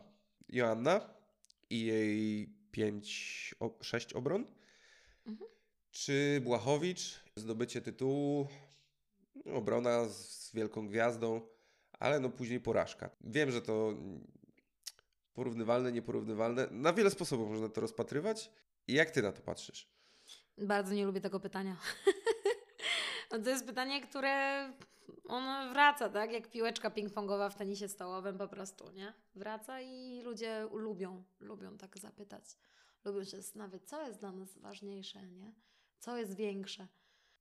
W takim sensie sportowym, no to wyczyn Janka, tak, żeby przebrnąć przez ten męs, no większe kłody pod nogi gdzieś tam, nie? Większa konkurencja przede wszystkim, większa konkurencja, nie? To jest coś wielkiego, ale jednak em, jest taki ładny idiom w języku angielskim to pave the way. No i właśnie Asia Mhm. paved the way, nie? Mhm. She made it. Także y, pięć obron tam było w, na przeciągu dwóch lat niepokonana. I ona pokonała mistrzynię, nie? Pokonała panującą mistrzynię. Jakby w ogóle to, co się stało z MMA przez ten cały czas, nawet przez ten mój krótki czas, kiedy ja jestem tutaj, tak? Czyli te 6 lat, to jest niewyobrażalne ta, ta, ta tempo tej ewolucji, prawda? Gdzie jeszcze do niedawna mogłeś mieć, mogłeś być majstersztykiem swojej koronnej płaszczyzny i mogło ci to wystarczyć. Mhm. To mogło, to mogło być wystarczająco, żeby nawet być e, mistrzem. To już, to już to są czasy, które odeszły w zapomnienie, nie? Teraz MMA to są mał, e, dzieciaki, które od małka trenują MMA jako MMA i robią zapasy pod MMA, jiu-jitsu pod MMA, stójkę pod MMA. U nas z BT są zajęcia K1 z Irokezem robione, nie? Ale Irokez mówi, to się tak nazywa, to jest stójka pod MMA, nie?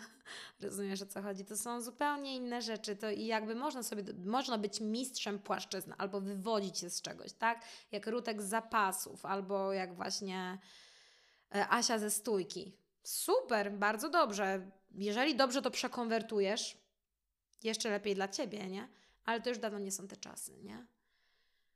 To nawet, to nawet nie jest tak, że te dagestańskie zapasy to są, to są takie ekstra, bo to, to, to są zapasy pod MMA, to jest zupełnie inny rodzaj, nie? To nie jest greko-roman czy, czy styl wolny, to nawet, nawet tak nie można tego zaszufladkować, więc Asia jej prime były w zupełnie innych czasach, kiedy Janek jego osiągnięcie, tak, jego prime.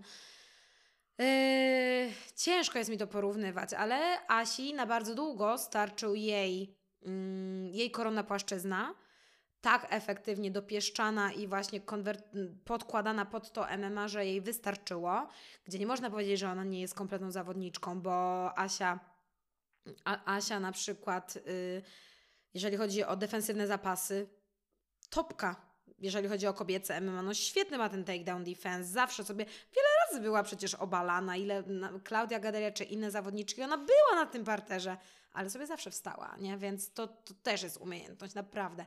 E, Ona robi regularnie yy, parter, ona ona jest kompletna, ale wystarczy jej ta jedna płaszczyzna, nie? I nawet tutaj widać tą rozbieżność między kobiecym, rozwojem kobiecego MMA, męskiego, gdzie, ale też kobiece dogoniło. Tak, ale no faktycznie jest e, tak jak już garstka specjalistów w męskim MMA, tak u kobiet jest ich więcej, zwłaszcza na tle mniejszej liczby jakby zawodniczek, że są faktycznie zawodniczki, zwłaszcza parterowo, które no, specjalizują się w parterze i ta stójka ewidentnie jakby tego parteru nie dogania. To jest fakt. To jest i dobre i niedobre. Ja jako osoba wywodząca się z jiu-jitsu czasem mi brakuje właśnie jeszcze takiego takiego jiu-jitsu w MMA. Nie, nie pierwszych UFC, że wjeżdża Hoyce i, i, i wszystkich y, ła, rozjeżdża. Pozdrawiamy trenera Mirosława. Ale y, no jednak po prostu ta y, defensywa grapplingowa stosunkowo łatwa do opanowania dla, dla jakby Stójkowicza I, i ciężko już teraz zaskoczyć jakimś, jakimś fikuśnym jiu-jitsu, a jednak to było super I, i jeżeli mógłbym w jakiś sposób coś wpłynąć na to, jak wygląda MMA, nie wiem w jaki sposób to by miało się odbyć, nie mówię, że mam na to patent, ale to bym chciał zobaczyć więcej tak jak Marcin Held był w swoim topie i wjeżdżał, urywał te nogi. To jakbym mógł coś takiego zobaczyć, to właśnie chciałbym, chciałbym zobaczyć więcej takiego typowego jiu-jitsu, a nie takiego zapaśniczego jiu-jitsu w MMA. No, to by było chyba takie moje marzenie. Mhm, mhm. No to to jest y, marzenie człowieka na, y, wywodzącego się z jiu-jitsu. Po prostu jakby opis tej twojej fantazji wynika z tego, że no, bliski jesteś, a jiu-jitsu jest trudne w obrazku. Nie? Dopóki, nie, dopóki nie spróbujesz tego sam, to mnie na przykład bardzo onieśmielało. Nie? Jak ja jestem 6 lat w MMA i dopiero w tym roku w maju spróbowałam jiu-jitsu samego w sobie, bo mnie tak onieśmielało swoją finezją. Ten próg wejścia jiu-jitsu jest tak wysoki, ja sobie zawsze tak myślałam. Oczywiście znałam mechanikę technik, tak? E, od balachy przez trójkąty, kończąc na rzeczach, które są w jiu-jitsu samym sobie, tak? Niedozwolone, typu na przykład dźwignie na kręgosłup, jakiś twister itp., tak? Znam mechanikę tych wszystkich rzeczy. W obrazku Ci wszystko rozróżnię, powiem Ci, tak? Czemu braba, a nie anakonda i takie dalej, a tak w ogóle to jeszcze się nazywa DARS. Rozumiesz o co Mhm, chodzi, nie? mhm. Także teoretycznie jest wszystko ok, ale to jest kompletnie inna bajka, jak już zaczynasz. Ja, ja teraz dopiero mogę powiedzieć, że klapki mi z oczu spadły. I teraz dopiero jak ja jestem, powiedzmy, praktykiem, bo sobie robię, tak? To ja teraz dopiero zaczęłam czytać walkę na takim poziomie, na jakim chciałam. Zawsze, że to było, a i tak jest jeszcze tyle do zrobienia. To jest never ending story. E, I ty, to, co opisałeś, że chciałbyś, żeby więcej było jiu-jitsu, mm, takie jiu-jiteiro jiu-jitsu, a nie zapaśnicze, to jest właśnie z perspektywy osoby, która trenuje jiu-jitsu. Tak te słowa odbieram, a taki widz komercyjny yy, to są właśnie te momenty, kiedy nudy, przytulanie się, podnieście tę walkę. Niestety, niestety, ale muszę to powiedzieć, taka jest prawda. Tak czyta. Mam sześciu braci i jak oglądamy jakieś MMA, nie, no nikt nie jest wtajemniczony. Akurat jeżeli chodzi o reprezentację sportu walki, to wy- wyszło, że siostra jest najbardziej kompetentna w naszym domu. Nie potrafią tego czytać za nic. A żebym ja jeszcze im coś wytłumaczyła, to klękajcie narody, a, a jestem nauczycielem z wykształcenia, nie? Także w ogóle no, cię, ciężka rzecz, żeby dojść do takiego codziennego fana, takiego, no takiego chipsożercy powiedzmy brzydko, Mhm. e, żeby wyłożyć mu to takie jiu-jitsu. No ten próg wejścia jest o wiele wyższy, nie? Niż na przykład też do Jasne. stójki. Jasne. Więc piękne słowa, które powiedziałeś, ale musiałam właśnie powiedzieć, że to typowo przemawia przez, przez ciebie Guilty as charged. mi, mi, miłość, miłość do pasji, nie? Ale co najciekawsze, że są sędziowie, którzy nie umieją czytać jiu-jitsu i cały czas sędziują walki. Mówię o UFC tutaj akurat w Polsce pod tym względem. No, sędziów jest coraz więcej. Czasami się już pojawiają nazwiska, których ja nawet nie kojarzę, no ale bardzo duża część tych sędziów, takich, którzy byli z KS, są z KSW długo, no to często są parterowcy. Wiemy, że tam możemy mieć pretensje do różnych decyzji, ale tutaj wiem, że ten parter kumają. Natomiast ci sędziowie z komisji, przyznawani przez komisję w Stanach, no jeżeli oni. On... Nie trzeba mieć chorego serca, żeby być kardiologiem, tak? Chyba jednak, żeby być sędzią MMA, należy mieć jakieś praktyczne doświadczenie. Umieć, no bo jeżeli, tak jak mówisz, nie? Jeżeli onieśmielało ci jiu-jitsu, mając dużo doświadczenia już z MMA, czy, i, i czytanie go, i tłumaczenie go osobom, które, które go nie rozumieją, no to, no to sędzia powinien mieć to na perfekcyjnym poziomie. A ponoć są, są osoby gdzieś tam z tych komisji, które no, nie, nie wiedzą. No. Sędziują to jak Mhm. boks. Nie? Mhm, mhm. Tak, rozumiem o co chodzi. E, tak, tak faktycznie jest i jak rozmawiałam kiedyś z Łukaszem Bosackim, e, bo też ogólnie jestem po kursie u niego gdzieś tam kiedyś. E, Chciałam, żeby to, żeby to miało ręce i nogi i się wybrałam. Jeszcze w Witkowie swego czasu jak były. Mhm. to on też jest zwolennikiem tego poglądu, nie? Że warto, warto przetrenować, warto wiedzieć o co chodzi, żeby potem móc sędziować, nie? To jest ważna. ym, no to jest ważne, żeby mieć to doświadczenie, nie? A co byś zmieniła w e, systemie sędzio- punktowania e, w MMA? W jaką stronę byś to pchnęła? Bo że system trzeba jakoś usprawnić, to jakby chyba nikt tego nie neguje. Absolutnie nic bym nie ruszyła, bo w ogóle nie czuję się e, na siłach, żeby móc jakkolwiek wypowiedzieć się. Nie czuję się w pozycji, tak? Ja, ja sędziowałam mniej, mniejszą galę kiedyś i były dwa splity i za każdym razem ten split był z, jakby z mojego ramienia i nikt mi nie powiedział, prawda, że akurat to były naprawdę bardzo bliskie walki i to ze siłą rzeczy byłyby splity, tak? Ale to brzemię takie, że to ja się wyłamałam i że widziałam inaczej niż dwójka innych sędziów te pojedynki, jakoś tak yy, uświadomiły mi, unaoczniły mi, że w tym MMA są inne dla mnie role, nie? I już nigdy nie podjęłam się więcej sędziowania, także przynajmniej na, na punktach i Czy ja bym co, coś Ale zmienił Z punktu widzenia fana właśnie. z punktu Widza- widzenia fana? Połówki punktów, częste punktowanie, częstsze Nie. punktowanie 10-8, częstsze punktowanie 10-10. em, Nie, nie, nie, nie, nie. 10-10 to w ogóle... Nie, nie. Mm-mm. Ja Jestem trochę odosobniony w tym poglądzie. Rozumiem, dlaczego 10-10 nie jest dobre z punktu widzenia biznesu. Remisowe walki nikomu nie służą.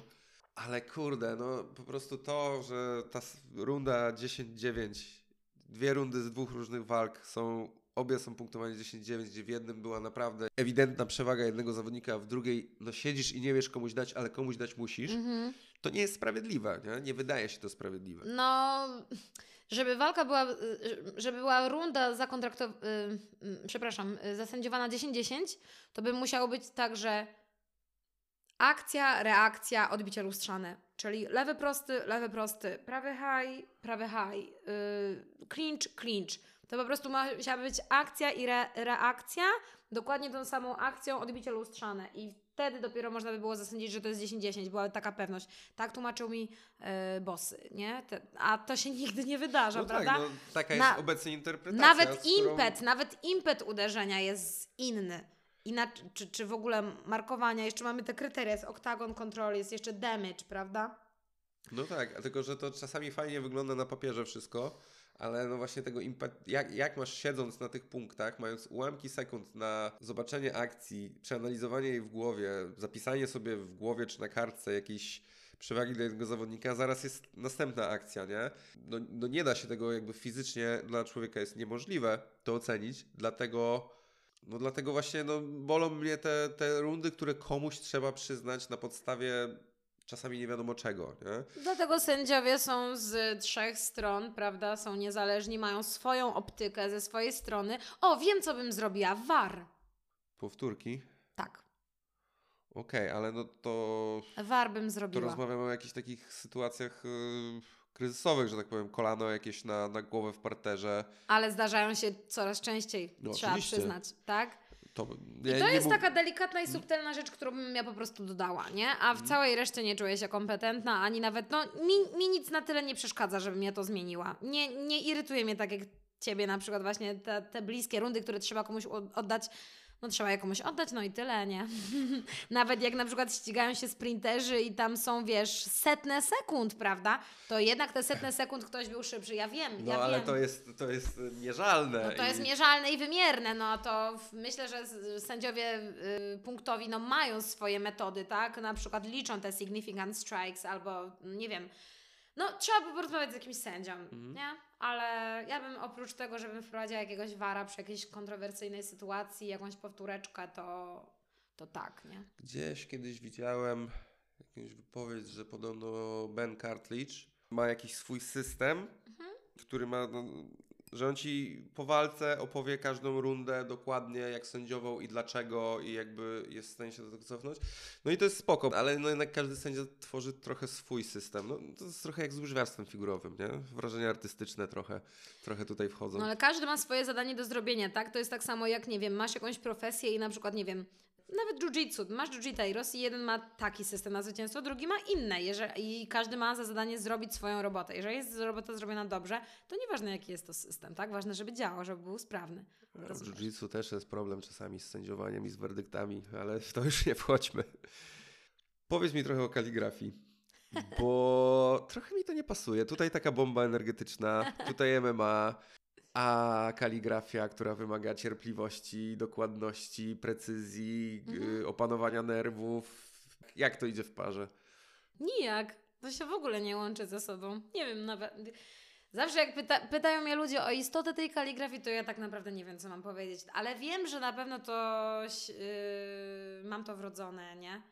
W sensie y, jakąś taką namiętność do estetyki kształtu linii. Mhm. Nie wiem, ale pamiętam, że jak byłam mała, to po prostu mi zawsze się podobał jakiś ładny szyld, ładny baner i na przykład był, były sobie, nie wiem, batoniki. Pamiętam, że kiedyś były takie batoniki, które się nazywały Piknik. One chyba nadal są, ale E, pamiętam, że tak. Nie ma już ich, Aha, ale pamiętam, tak. były. No. I, I po prostu mi się tak podobało to połączenie fioletowego z białym i z żółtym i jakby estetycznie to, no, zawsze mi się to podobało. Albo na przykład jak y, pamiętam y, jak ewo, ewoluowało logo Barbie, nie? Od lat 50., 70. można sobie zobaczyć takie subtelne małe zmiany i to też jest taki brush stroke, jakbyś to po prostu pociągnięciem pędzla pióra zrobił. I właśnie też pamiętam, że mega zawsze jarało mnie to, nie? Także od, od małka zawsze jakieś takie logotypy, szyldy, banery, ładnie zaaranżowane słowo. Gdzieś tam mnie po prostu pociągało na poziomie namiętności, że wow, to jest ładne, potrafiłam się na tym zawiesić. Tak jak potrafi się zawiesić, nie wiem, e, ornitolog nad pięknym, nie wiem, ptaka i, i, takie, i takie różne rzeczy, to właśnie estetyka kształtu, litery, rozmiaru, kompozycji, to było coś takiego, co mnie zawsze jarało i zawsze zwracałam na to uwagę. Już jak byłam mała, nawet nie wiedziałam, jak to nazwać, nie? Tak, potem się okazało, że jestem leworęczna. Znaczy pewnie wcześniej się okazało, że jestem leworęczna, ale że jakby tak, taka była, e, a Bev nie będzie pisać jak kura pazurem, wiadomo, takie stereotypizacje i tak dalej. E, No i okazało się, że nie, że gdzieś tam właśnie e, taka dusza artysty sobie drzemie. A game changerem tego wszystkiego były brushpeny, czyli takie markery, które naśladują e, pędzel i pojawiły się w, na polskim rynku w okolicach 2015 16 Aha. Podobnie właśnie jak MMA, nie? I dlaczego to był game changer? No właśnie dlatego, że jestem leworęczna, a jakby, żeby lewą ręką tworzyć coś atramentem i sobie tego nie zmazywać i nie ścierać i Aha, czekać po każdej okej. literze, żeby to usunął, jakby proces twórczy, a jestem osobą bardzo niecierpliwą, niestety. Mhm. Jestem, jestem osobą sumienną, no ale niecierpliwą. Nie lubię czekać. Nie lubię czekać, nie lubię zimna i nie lubię opóźnień. To są takie. Ja jestem, ja jestem osobą, która mam, jest bardzo em, stabilna emocjonalnie i nie, jest, nie jestem. Mało rzeczy jest mnie w stanie wyprowadzić z równowagi, ale jak jestem na PKP i czytam, że pociąg do Szczecina z Warszawy, na przykład po KSW, ma 120 minut opóźnienia, to ja już płaczę. Nie? To jest coś, to jest. Ja pęka mi dusza. Jestem osobą wybitnie nietolerancyjną na opóźnienia i na zimno. Jeszcze wtedy, jak mi jest zimno, już, dla, już się nic nie, nie liczy dla mnie i w ogóle, nie? Czyli opóźniony samolot na Islandii to twój największy koszmar. Właśnie to mi uzmysłowiłeś. Tak. Mam nadzieję, że nigdy mnie ta nieprzyjemność nie spotka, ale tak, zdecydowanie tak. E, No i te brushpeny, działające jak zwykłe pisaki, po prostu pozwalają mi pisać w takim tempie, nie, nie rozmazywać tego. I się okazało, że są narzędzia dla osób leworęcznych, żeby robić sobie kaligrafię normalnie, na lajcie. E, No i się w to wdrożyłam i potem się okazało, że jest w ogóle taka od, odnoga tego, które się nazywa liternictwo, bo kaligrafia to jest coś innego, liternictwo to jest coś innego. Potem się okazało, że jest jeszcze hand lettering, że jest modern hand lettering i że jest dużo innych fajnych rzeczy. No i, i potem tak to pokulałam, że gdzieś tam sobie też to zipię teraz na również coraz fajnym poziomie. Są projekty z tym, w moj- z moim udziałem też realizowane i bardzo się cieszę, że A jaki jest taki projekt, z którego jesteś najbar- najbardziej dumna? Yy, bycie ambasadorką marki Toma. Od dwóch lat reprezentuję Tomę jako ambasadorka. To jest polski producent materiałów piśmienniczych. Na pewno kojarzysz długopis gwiazdki. Taki mega, mega, mega. taki nasz flagowiec. Tak, i od dwóch lat jestem ich ambasadorką. Nakręciliśmy trzy reklamy do TV, nawet ostatnią w zeszłym tygodniu, e, które taki mają obieg, no taki są w ramówce, wiesz, pytania na śniadanie, rozumiesz o co chodzi, nie? Więc gdzieś tam babcia mnie widzi. To jest ciekawe, ale właśnie w tym roku byliśmy na targach y, materiałów piśmienniczych w Norymberdze. Mega taka rzecz, która otwiera, inspiruje i jak wróciłam stamtąd, to właśnie miałam bardzo dużo pomysłów na tworzenie, na to, co w moją grę włożyć jeszcze pod względem tworzenia. Mam jeszcze kilka takich rzeczy w zanadrzu, które chciałabym zrobić. Chciałabym wypuścić fizycznie zeszyt koloro, kolorowanek, tak? Bo też oprócz kaligrafii ja dużo rysuję. Mam Mhm. taki bardzo kreskówkowy, mocny styl. Mhm. E, takie, wiesz, grube kontury. Właśnie lata 90. Cartoon Network, coś, coś w tym stylu, nie? Tak jak sobie przypomnisz atomówki Dextera, to, to jest taka moja kreska mocno, nie? Mhm. Mocno moja kreska. I właśnie w połączeniu z literami, no mam gdzieś tam jakieś takie swoje twórcze, twórcze projekty. A ty, ty tworzysz też w większej skali, czy tylko jakby na kartce? Nie, powiedzieć? oczywiście, że mam ze sobą murale. Mam ze sobą murale w kilku, w kilku restauracjach, burgerowniach, lodziarniach, cukierniach. No, kilka tam menu się rozpisało.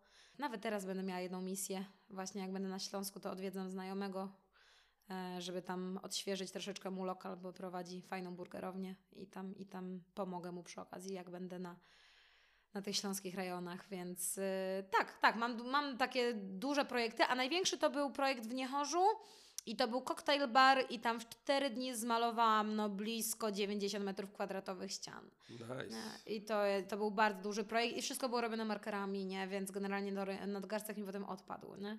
Markerami. Tak, Jezus. to wszystko było robione markerami. Mhm. A ty nie masz żadnego tatuażu, prawda? Nie. A kiedykolwiek, no jak masz takie zainteresowanie, wiesz, artystycznymi rzeczami, to wydawałoby się, że to, wiesz, fajnie sobie coś fajnego zrobić. Czy to mhm. jest jakaś kwestia bardziej ideologiczna? Czy po prostu nie jarają cię tatuaże? Nie, w ogóle mnie nie jarają tatuaże. Doceniam ładne tatuaże i bardzo lubię słuchać o historiach tatuaży. Czemu ktoś się zdecydował na coś takiego, a nie innego i bardzo lubię słuchać o tym, jakie ludzie mają wizje, co chcą sobie zrobić, co planują. To jest coś, co ja Mhm. lubię w ten storytelling, o tym, dlaczego chcieliby całe życie coś nosić na sobie. To ja lubię o tym słuchać i, i super. I bardzo lubię takie tatuaże, które imitują naklejki. Czyli właśnie takie, właśnie nie, nie lubię nic cieniowanego, y, coś y, takiego, co na kartce jest ładne. To jest in, Mhm. inaczej to wygląda na skórze, inaczej się prezentuje. I bardzo lubię takie motywy właśnie monoline, takie pojedyncze kontury. To fajnie się prezentuje, spoko. Y, Czy ja bym chciała sobie zrobić kiedyś tatuaż? Raczej nigdy sobie nie zrobię. Mam w głowie projekt. jeżeli, jeżeli mnie najdzie taka głupota, to wiem, co by to było, zdecydowanie. Więc mam projekt na coś, o czym wiem, że to się nie wydarzy, ale tak, mam, mam taki plan. Czyli nie zdradzisz zapewne, co to za projekt? Y, Jest to związane z, moimi, z moim życiem i z moimi pasjami, a ponieważ praktycznie każdą z tych pasji dzisiaj poruszyliśmy w tym, w tym podcaście, to łatwo jest sobie To możemy się wyobrazić. domyślić. O, udało mi się znaleźć. Pokażę Ci tutaj, bo ostatnio odkryłem właśnie takiego tatuażystę na Instagramie. E, też bardzo długo, e, bardzo długo tylko sobie obserwowałem tatuaże. Podobają mi się do oglądania takie super realistyczne tatuaże. Aha, czyli zupełnie przeciwnie niż ja. E, trochę tak, aczkolwiek jedyny tatuaż, który mam, nie jest realistyczny. Bo nie, nie wiem, znaczy z tymi tatuażami realistycznymi jakby doceniam kunszt, Okej. ale mm, jak widziałem parę razy takie, że obok masz to zdjęcie, z którego jest ten tatuaż, to zawsze w tym tatuażu on jest genialny, ale brakuje jakiegoś takiego czegoś, takiego błysku, takiego spark, który sprawia, że to zdjęcie właśnie jest tym zdjęciem, które ci się tak niesamowicie podoba. I nie do końca potrafię to nazwać, więc może to głupio brzmi, ale to zdjęcie niby jest jeden do jeden, ale nie jest. I jeżeli zrobiłbym sobie realistyczny tatuaż, to y, przyszedłbym z motywem, ale nie z konkretnym zdjęciem, nie? Nie wiem, chcę sobie wytatuować Nate'a Diaza, Mhm. Diaza, Mhm. to y, słuchaj, to jest Nate Diaz, tu masz jedno, drugie, trzecie zdjęcie, Okej. zrób mi proszę wzór świeży, bo, bo wtedy nie będę miał czego, czego z tym to porównać. Ale oglądać jakby bardzo lubię, natomiast ci pokażę. Os- odkryłem ostatnio kolesia, który robi tatuaże, które wyglądają jak naszywki. I to mi po prostu rozpruło łeb. To, to wygląda jak naszywka, normalnie na, naszyta na kimono, czy, czy, czy coś takiego. W ogóle szok, nie? Pierwszy raz się z czymś takim spotkałem. Dosyć imponujące. Mm, Powiem Ci, że nie wiem, co powiedzieć i bardzo się cieszę, że mi to pokazałeś, bo u- uwielbiam poszerzać sobie horyzonty o tego typu projekty. Jestem rozwalona generalnie. Nie? O, to mi prześlesz potem, nie? Tego Jasne. Simbę. To jest Polak? E, Nie, nie, nie. Ale. y, Wow, to, to, mega unikatowy shit.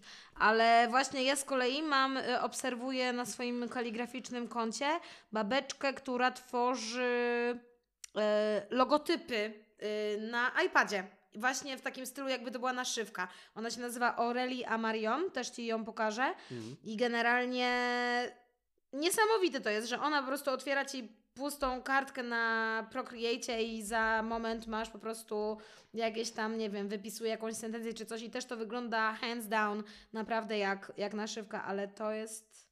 Jeszcze robi, kurde, jeszcze robi same takie motywy właśnie typu Marvel, 90s Child. Fajny, fajny.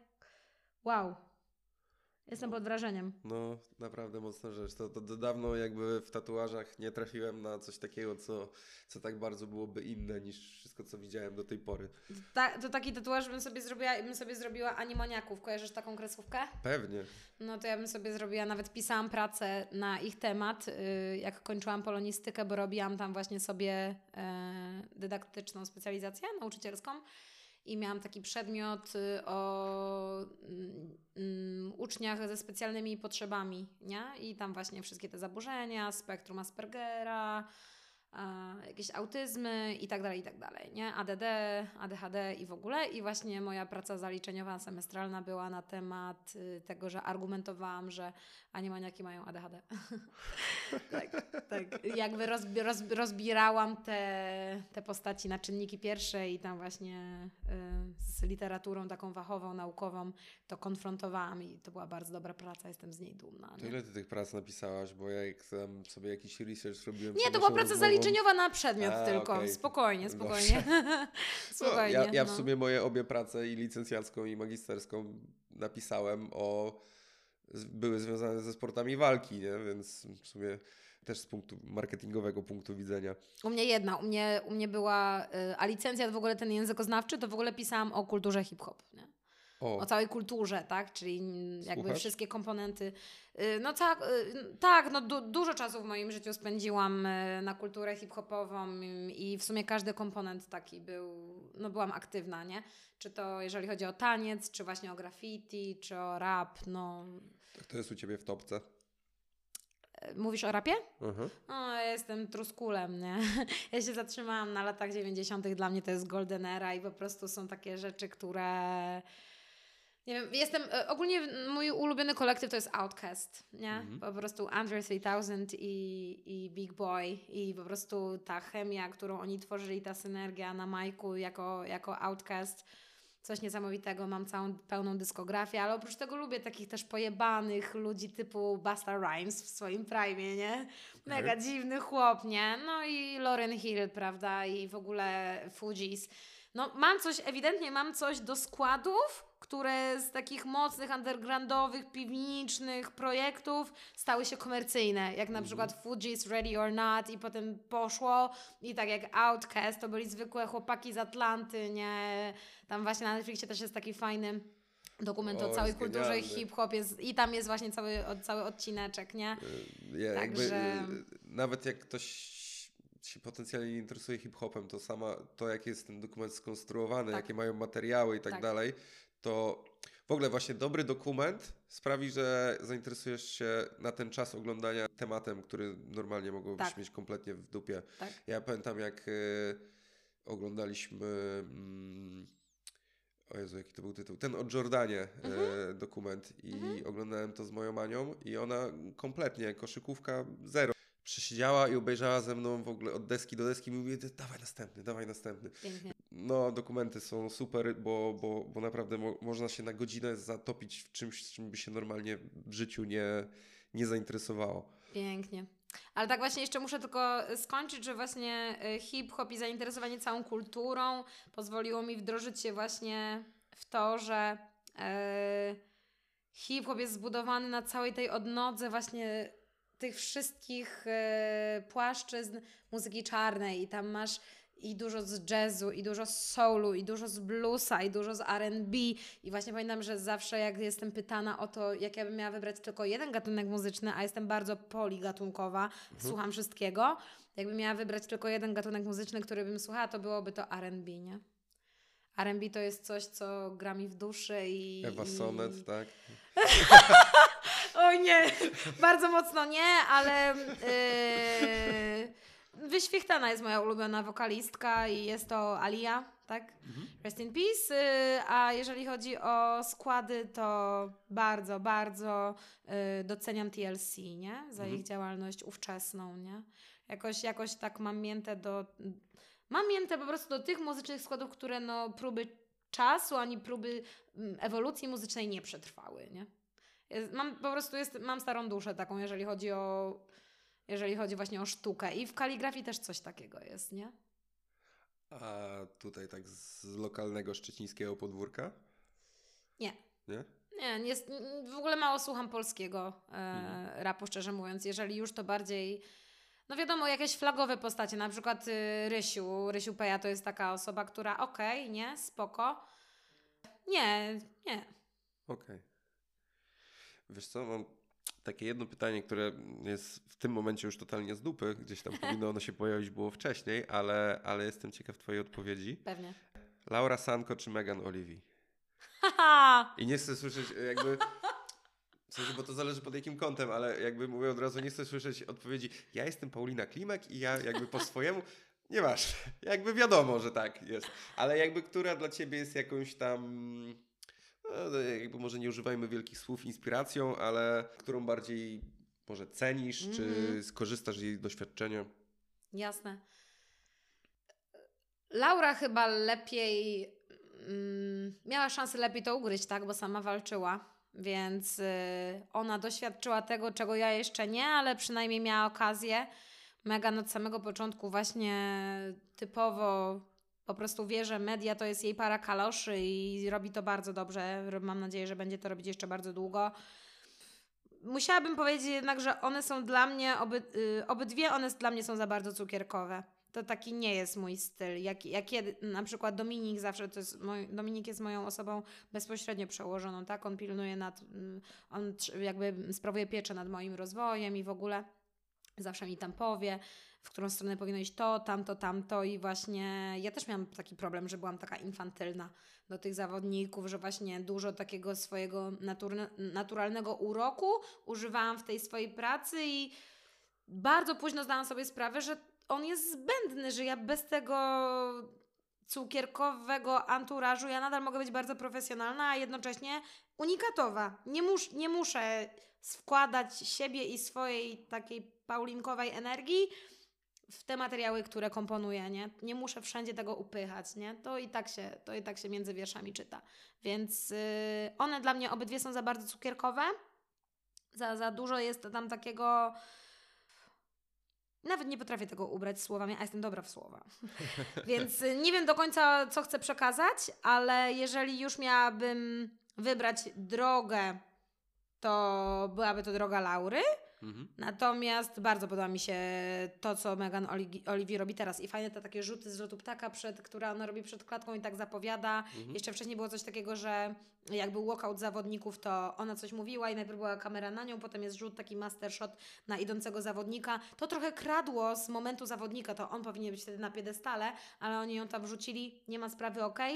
Yy, warsztat Megan, ale droga kariery Laury. Tak, tak wybrnę z y, tematu. Natomiast Karen robi Bryant bardzo dobrą robotę w studio. Świetną robi robotę, jest zawsze bardzo przygotowana, jest merytoryczna, jest jeszcze do tego zab- zabawna. Yy, ma jaja właśnie, o jej styl jest taki właśnie mniej cukierkowy, bardziej taki yy, z przytupem, Mhm. ale z, ja bym nie chciała być zamknięta w studio. Mhm. Czyli jakby styl, yy, styl Karen Bryant, yy, droga Laury, yy, warsztat Megan. Pięknie. No wydaje się, że Laura w sumie ona chyba najwięcej robi, nie? Naj, najwięcej ról i funkcji pełni i tam w tej chwili jest naj, najbardziej na, na fali wznoszącej. Wiesz co, mam jeszcze pytanie od widza. Proszę. Czy Sebastian Przybysz jest najprzystojniejszym zawodnikiem w polskim MMA? O kurczę. Yy, wow, ale nie mogę teraz. tak- nie mogę. Jestem ciekawa, a to, jest, to musi być jakiś widz z Trójmiasta. No tak, owszem.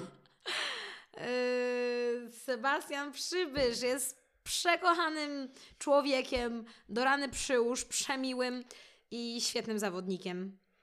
Niezwykle przystojnym, jak najbardziej, oczywiście. Wszyscy oni są fantastyczni. Kurczę, teraz będę rozkminiać, kto zadał to pytanie, bo to musi być kto... Hmm. Ja, jak, jak udzielisz odpowiedzi, to ci powiem, kto je zadał. Tak? Tak. Eee... No i co mam teraz powiedzieć? No Nie powie- wiem. powiedz mi, co mam teraz Wybrnij. powiedzieć, no. Mam wybrnąć? Obiecałem, że zadam. Dobra, dobra.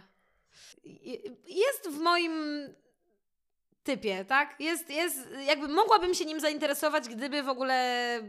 Mo- mogłabym się nim zainteresować, tak, okej. Dobrze. Pytanie No. zadał sam Sebastian. Tak myślałam, tak myślałam. Sebastianie, znasz tę odpowiedź.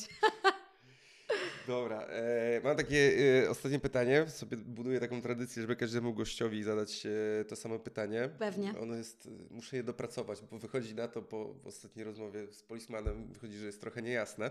Ale jeżeli miałabyś mogła stoczyć walkę na dowolnych, wybranych przez ciebie zasadach, nie z, e, z zawodnikiem, tylko z kimś znanym, celebrytą, aktorem, politykiem. I teraz jakby motywacja, która stoi za tą walką, zakładamy, że ona po, posiada jakieś tam minimum umiejętności. Motywacja, która stoi za tym, może być dowolna, aczkolwiek do tej pory idzie to w stronę, e, komu chętnie spuściłbym w pierdol. Mhm, mhm, mhm, mhm. Eee, to z kim? Mogę powiedzieć, że do tej pory, do tej pory tu się e, pojawił e, Władimir Putin, Tak myślałam. Jakub Czarodziej i, i ponownie Jakub Czarodziej. Tak myślałam, tak myślałam, że tak będzie. Yy, na pewno na zasadach MMA. Mhm. Na pewno czuję, że y, tam bym mogła gdzieś tam zaszaleć, tak? Mhm. Y, jiu- Jiu-jitsu za mało, sama stójka też za mało, ale na zasadach MMA na pewno bym się chciała zmierzyć. I komu bym tam musiała tę sprawiedliwość wymierzyć? No mam kilka takich osóbek, nie? Nie wiem. Ja widzę, że już masz odpowiedź w głowie, ale zastanawiasz się, czy powiedzieć ją na głos. Myś, myślę, że byłaby to osoba z przeciwnej strony barykady takiej światopoglądowej. Mhm. Ja jestem raczej osobą tradycjonalistyczną, raczej konserwatywną, Mhm. raczej cenię sobie yy, taki, taki porządek, a nie inny, więc to mogłaby być osoba z, te, z tej drugiej strony, tak? No powiedz, że to jest Maja Staśko. A ona, ona, ale ona, zobacz, już ma doświadczenie, nie? No, ale ona to jest walka, która nie jest w takich zupełnych odmętach wyobraźni, tylko to mogłoby się wydarzyć. Nie, tak naprawdę to bym zawalczyła z najlepszą polską dziennikarką, bardzo chętnie. To nawet, nawet i do mnie to dotarło fragmenty. Też jest do zrobienia, tak mi się wydaje. Boże, nie, nie, nie życzę tego, nie, nie życzę tego. Ona jest y, ma, malutka, drobniutka, nie chciałabym mieć na sumieniu. Ja, bo ty jesteś wielka. No, No, na pewno, no, ale ona jest naprawdę malutka, nie? no dobrze, nie widziałem na żywo. W sensie chyba wyższa ode mnie, ale mam na myśli bycie bardzo, bardzo drobnym, nie? Okay. A, a- Atom Weight, tak? Atom weight, no. E, Są, e, pamiętam, że kiedyś gdzieś odkryłem ranking. Atomóweczka. Ranking. To jest ile? 47, 47 800? Dobrze mówię? Atomowa? A nie, zaraz, Słomkowa to 52. 52, czyli no. No, to tak. będą okolice 48 kg, no. Ja e, kiedyś znalazłem jakiś taki e, ranking światowy, bez podziału na organizacje, dawno temu, e, zawodników we wszystkich wagach. I tam była. Teraz nie jestem pewien, ale była męska słomkowa, albo właśnie nawet ta atomowa, nie jestem pewien. I byli tam głównie Hindusi Mhm. i jacyś Azjaci, nie? Mhm, I mhm. jeden biały. Mhm. E, więc no jakby to tutaj po prostu już e, genetyka decydowała, ale no tak, to jakby kiedyś, e, kiedyś nawet e, mu, mu, musz, muszy, musi byli problemem, waga musza, a wyobraź sobie jeszcze niższą wagę, jak e, masz pasję do MMA, masz, masz chęć jakby to robić, a jesteś po prostu tak malutki No, i ciężko ci znaleźć przeciwnika i co, no musisz się bić z większymi. no. To, to ja na sparach w sobotę w Berserkerach. To właśnie zawsze, kto, kto będzie robił ze mną, nie? I na przykład bardzo pamiętam, robiłam superową rundkę z Maćkiem Różańskim, nie? O. Z Bellatora. No tak. I, I naprawdę, kurde, porobiliśmy sobie, nie powiem, że nie, nie? No więc y, wszystko zależy od tego, ile ci ten kolos pozwoli porobić, nie? No, Czy będzie cię tak. przeleżywał i będzie miał jakąś dumę w sobie, nie wiadomo jaką, czy po prostu można zrobić fajne kulanki, nie? Bez Oczywiście. spiny. A tak naprawdę to bym y, się zmierzyła z, właśnie z kimś y, z tamtej drugiej strony, ale wcale niekoniecznie z dziewczyną. O, No. znowu masz kogoś na myśli. Nie. Nie. Nie, ale po prostu myślę, że to nawet byłby taki matchup, że No, było parę walk damsko-męskich e, w MMA i w boksie. W sensie, no pojedyncze jakby przypadki, o których było słychać, jakby ty masz na ten temat jakąś opinię? Nie, nie. Znaczy, nie, no mam opinię i uważam, że nie jest to fajne. Nie jest to fajne, nie jest to dobre, jest to w ogóle niepotrzebne i generalnie powinno być zakazane. Więc ja sobie tylko tak gadam, nie? Bo to jakby sprowadziłeś to do wy, wymierzania komuś sprawiedliwości, Jasne. nie? No, a tak naprawdę to nie mam żadnych wrogów. O, no i super. I jakby tego się trzymajmy, Przy czym nie jestem też słoikiem Nutelli, nie? że nie wszyscy cię lubią. Okej. A w Nutelli jest ten. Dużo osób nie lubi Nutelli, tam jest olej palmowy. No tak, no. Ale jeszcze znam to przysłowie z y, tą, z zupą pomidorową też się tak A, mówi. tak. Też Nie jestem tak. zupą pomidorową, żeby mnie wszyscy lubili. Tak, więc Tak. jest odsłona z nutellą, jest odsłona z zupą pomidorową. Nie wiem, czy jest tak naprawdę jakieś jedno kulinaria, które naprawdę wszyscy na świecie by lubili. Nie wiem, nie sądzę. Czekolada. Nie, są też pewnie Są osoby, są, są ludzie, którzy nie lubią słodkiego. O, No są, no nie ma takiej rzeczy. Pamiętam, że jak właśnie studiowałam językoznawstwo w Poznaniu, to w toalecie był taki tag, że nawet, kurczę, ale ja to zaraz zepsuję, ale jakby przesłanie było takie, że nawet gdybyś była najbardziej słodkim, jędrnym, twardym jabłuszkiem w koszyku, to i tak znajdzie się ktoś, kto woli brzoskwinie. Wiesz? I to jest takie, no, wiesz, o tych gustach, nie? Głębokie. Muszę to przemyśleć. No nie wiem, czy tam w ogóle było o jabłkach, ale wiem, że ten drugi owoc to była brzoskwinia, nie? Paulina, bardzo Ci dziękuję za rozmowę.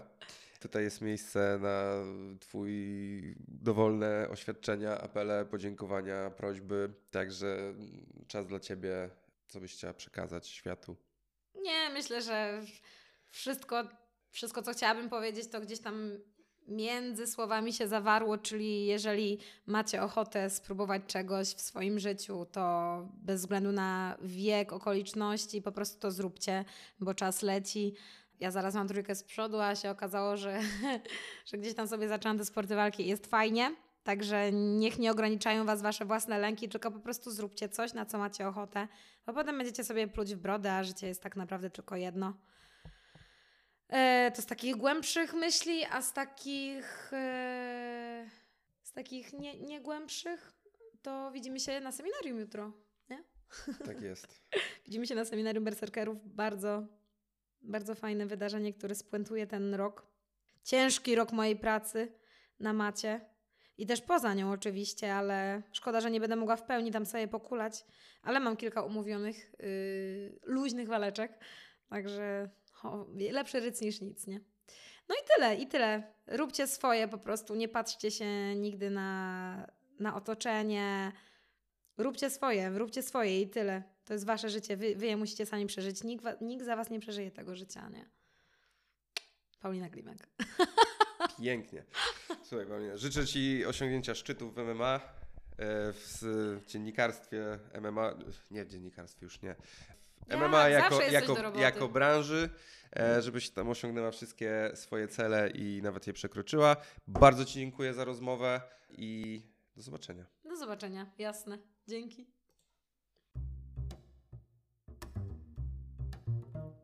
Dzięki za wysłuchanie odcinka do końca. Jeśli macie jakieś pytania do gościa lub do mnie, piszcie śmiało w komentarzach na Facebooku, Instagramie lub YouTubie. Oczywiście zachęcam również do szerowania materiału. Os i do usłyszenia.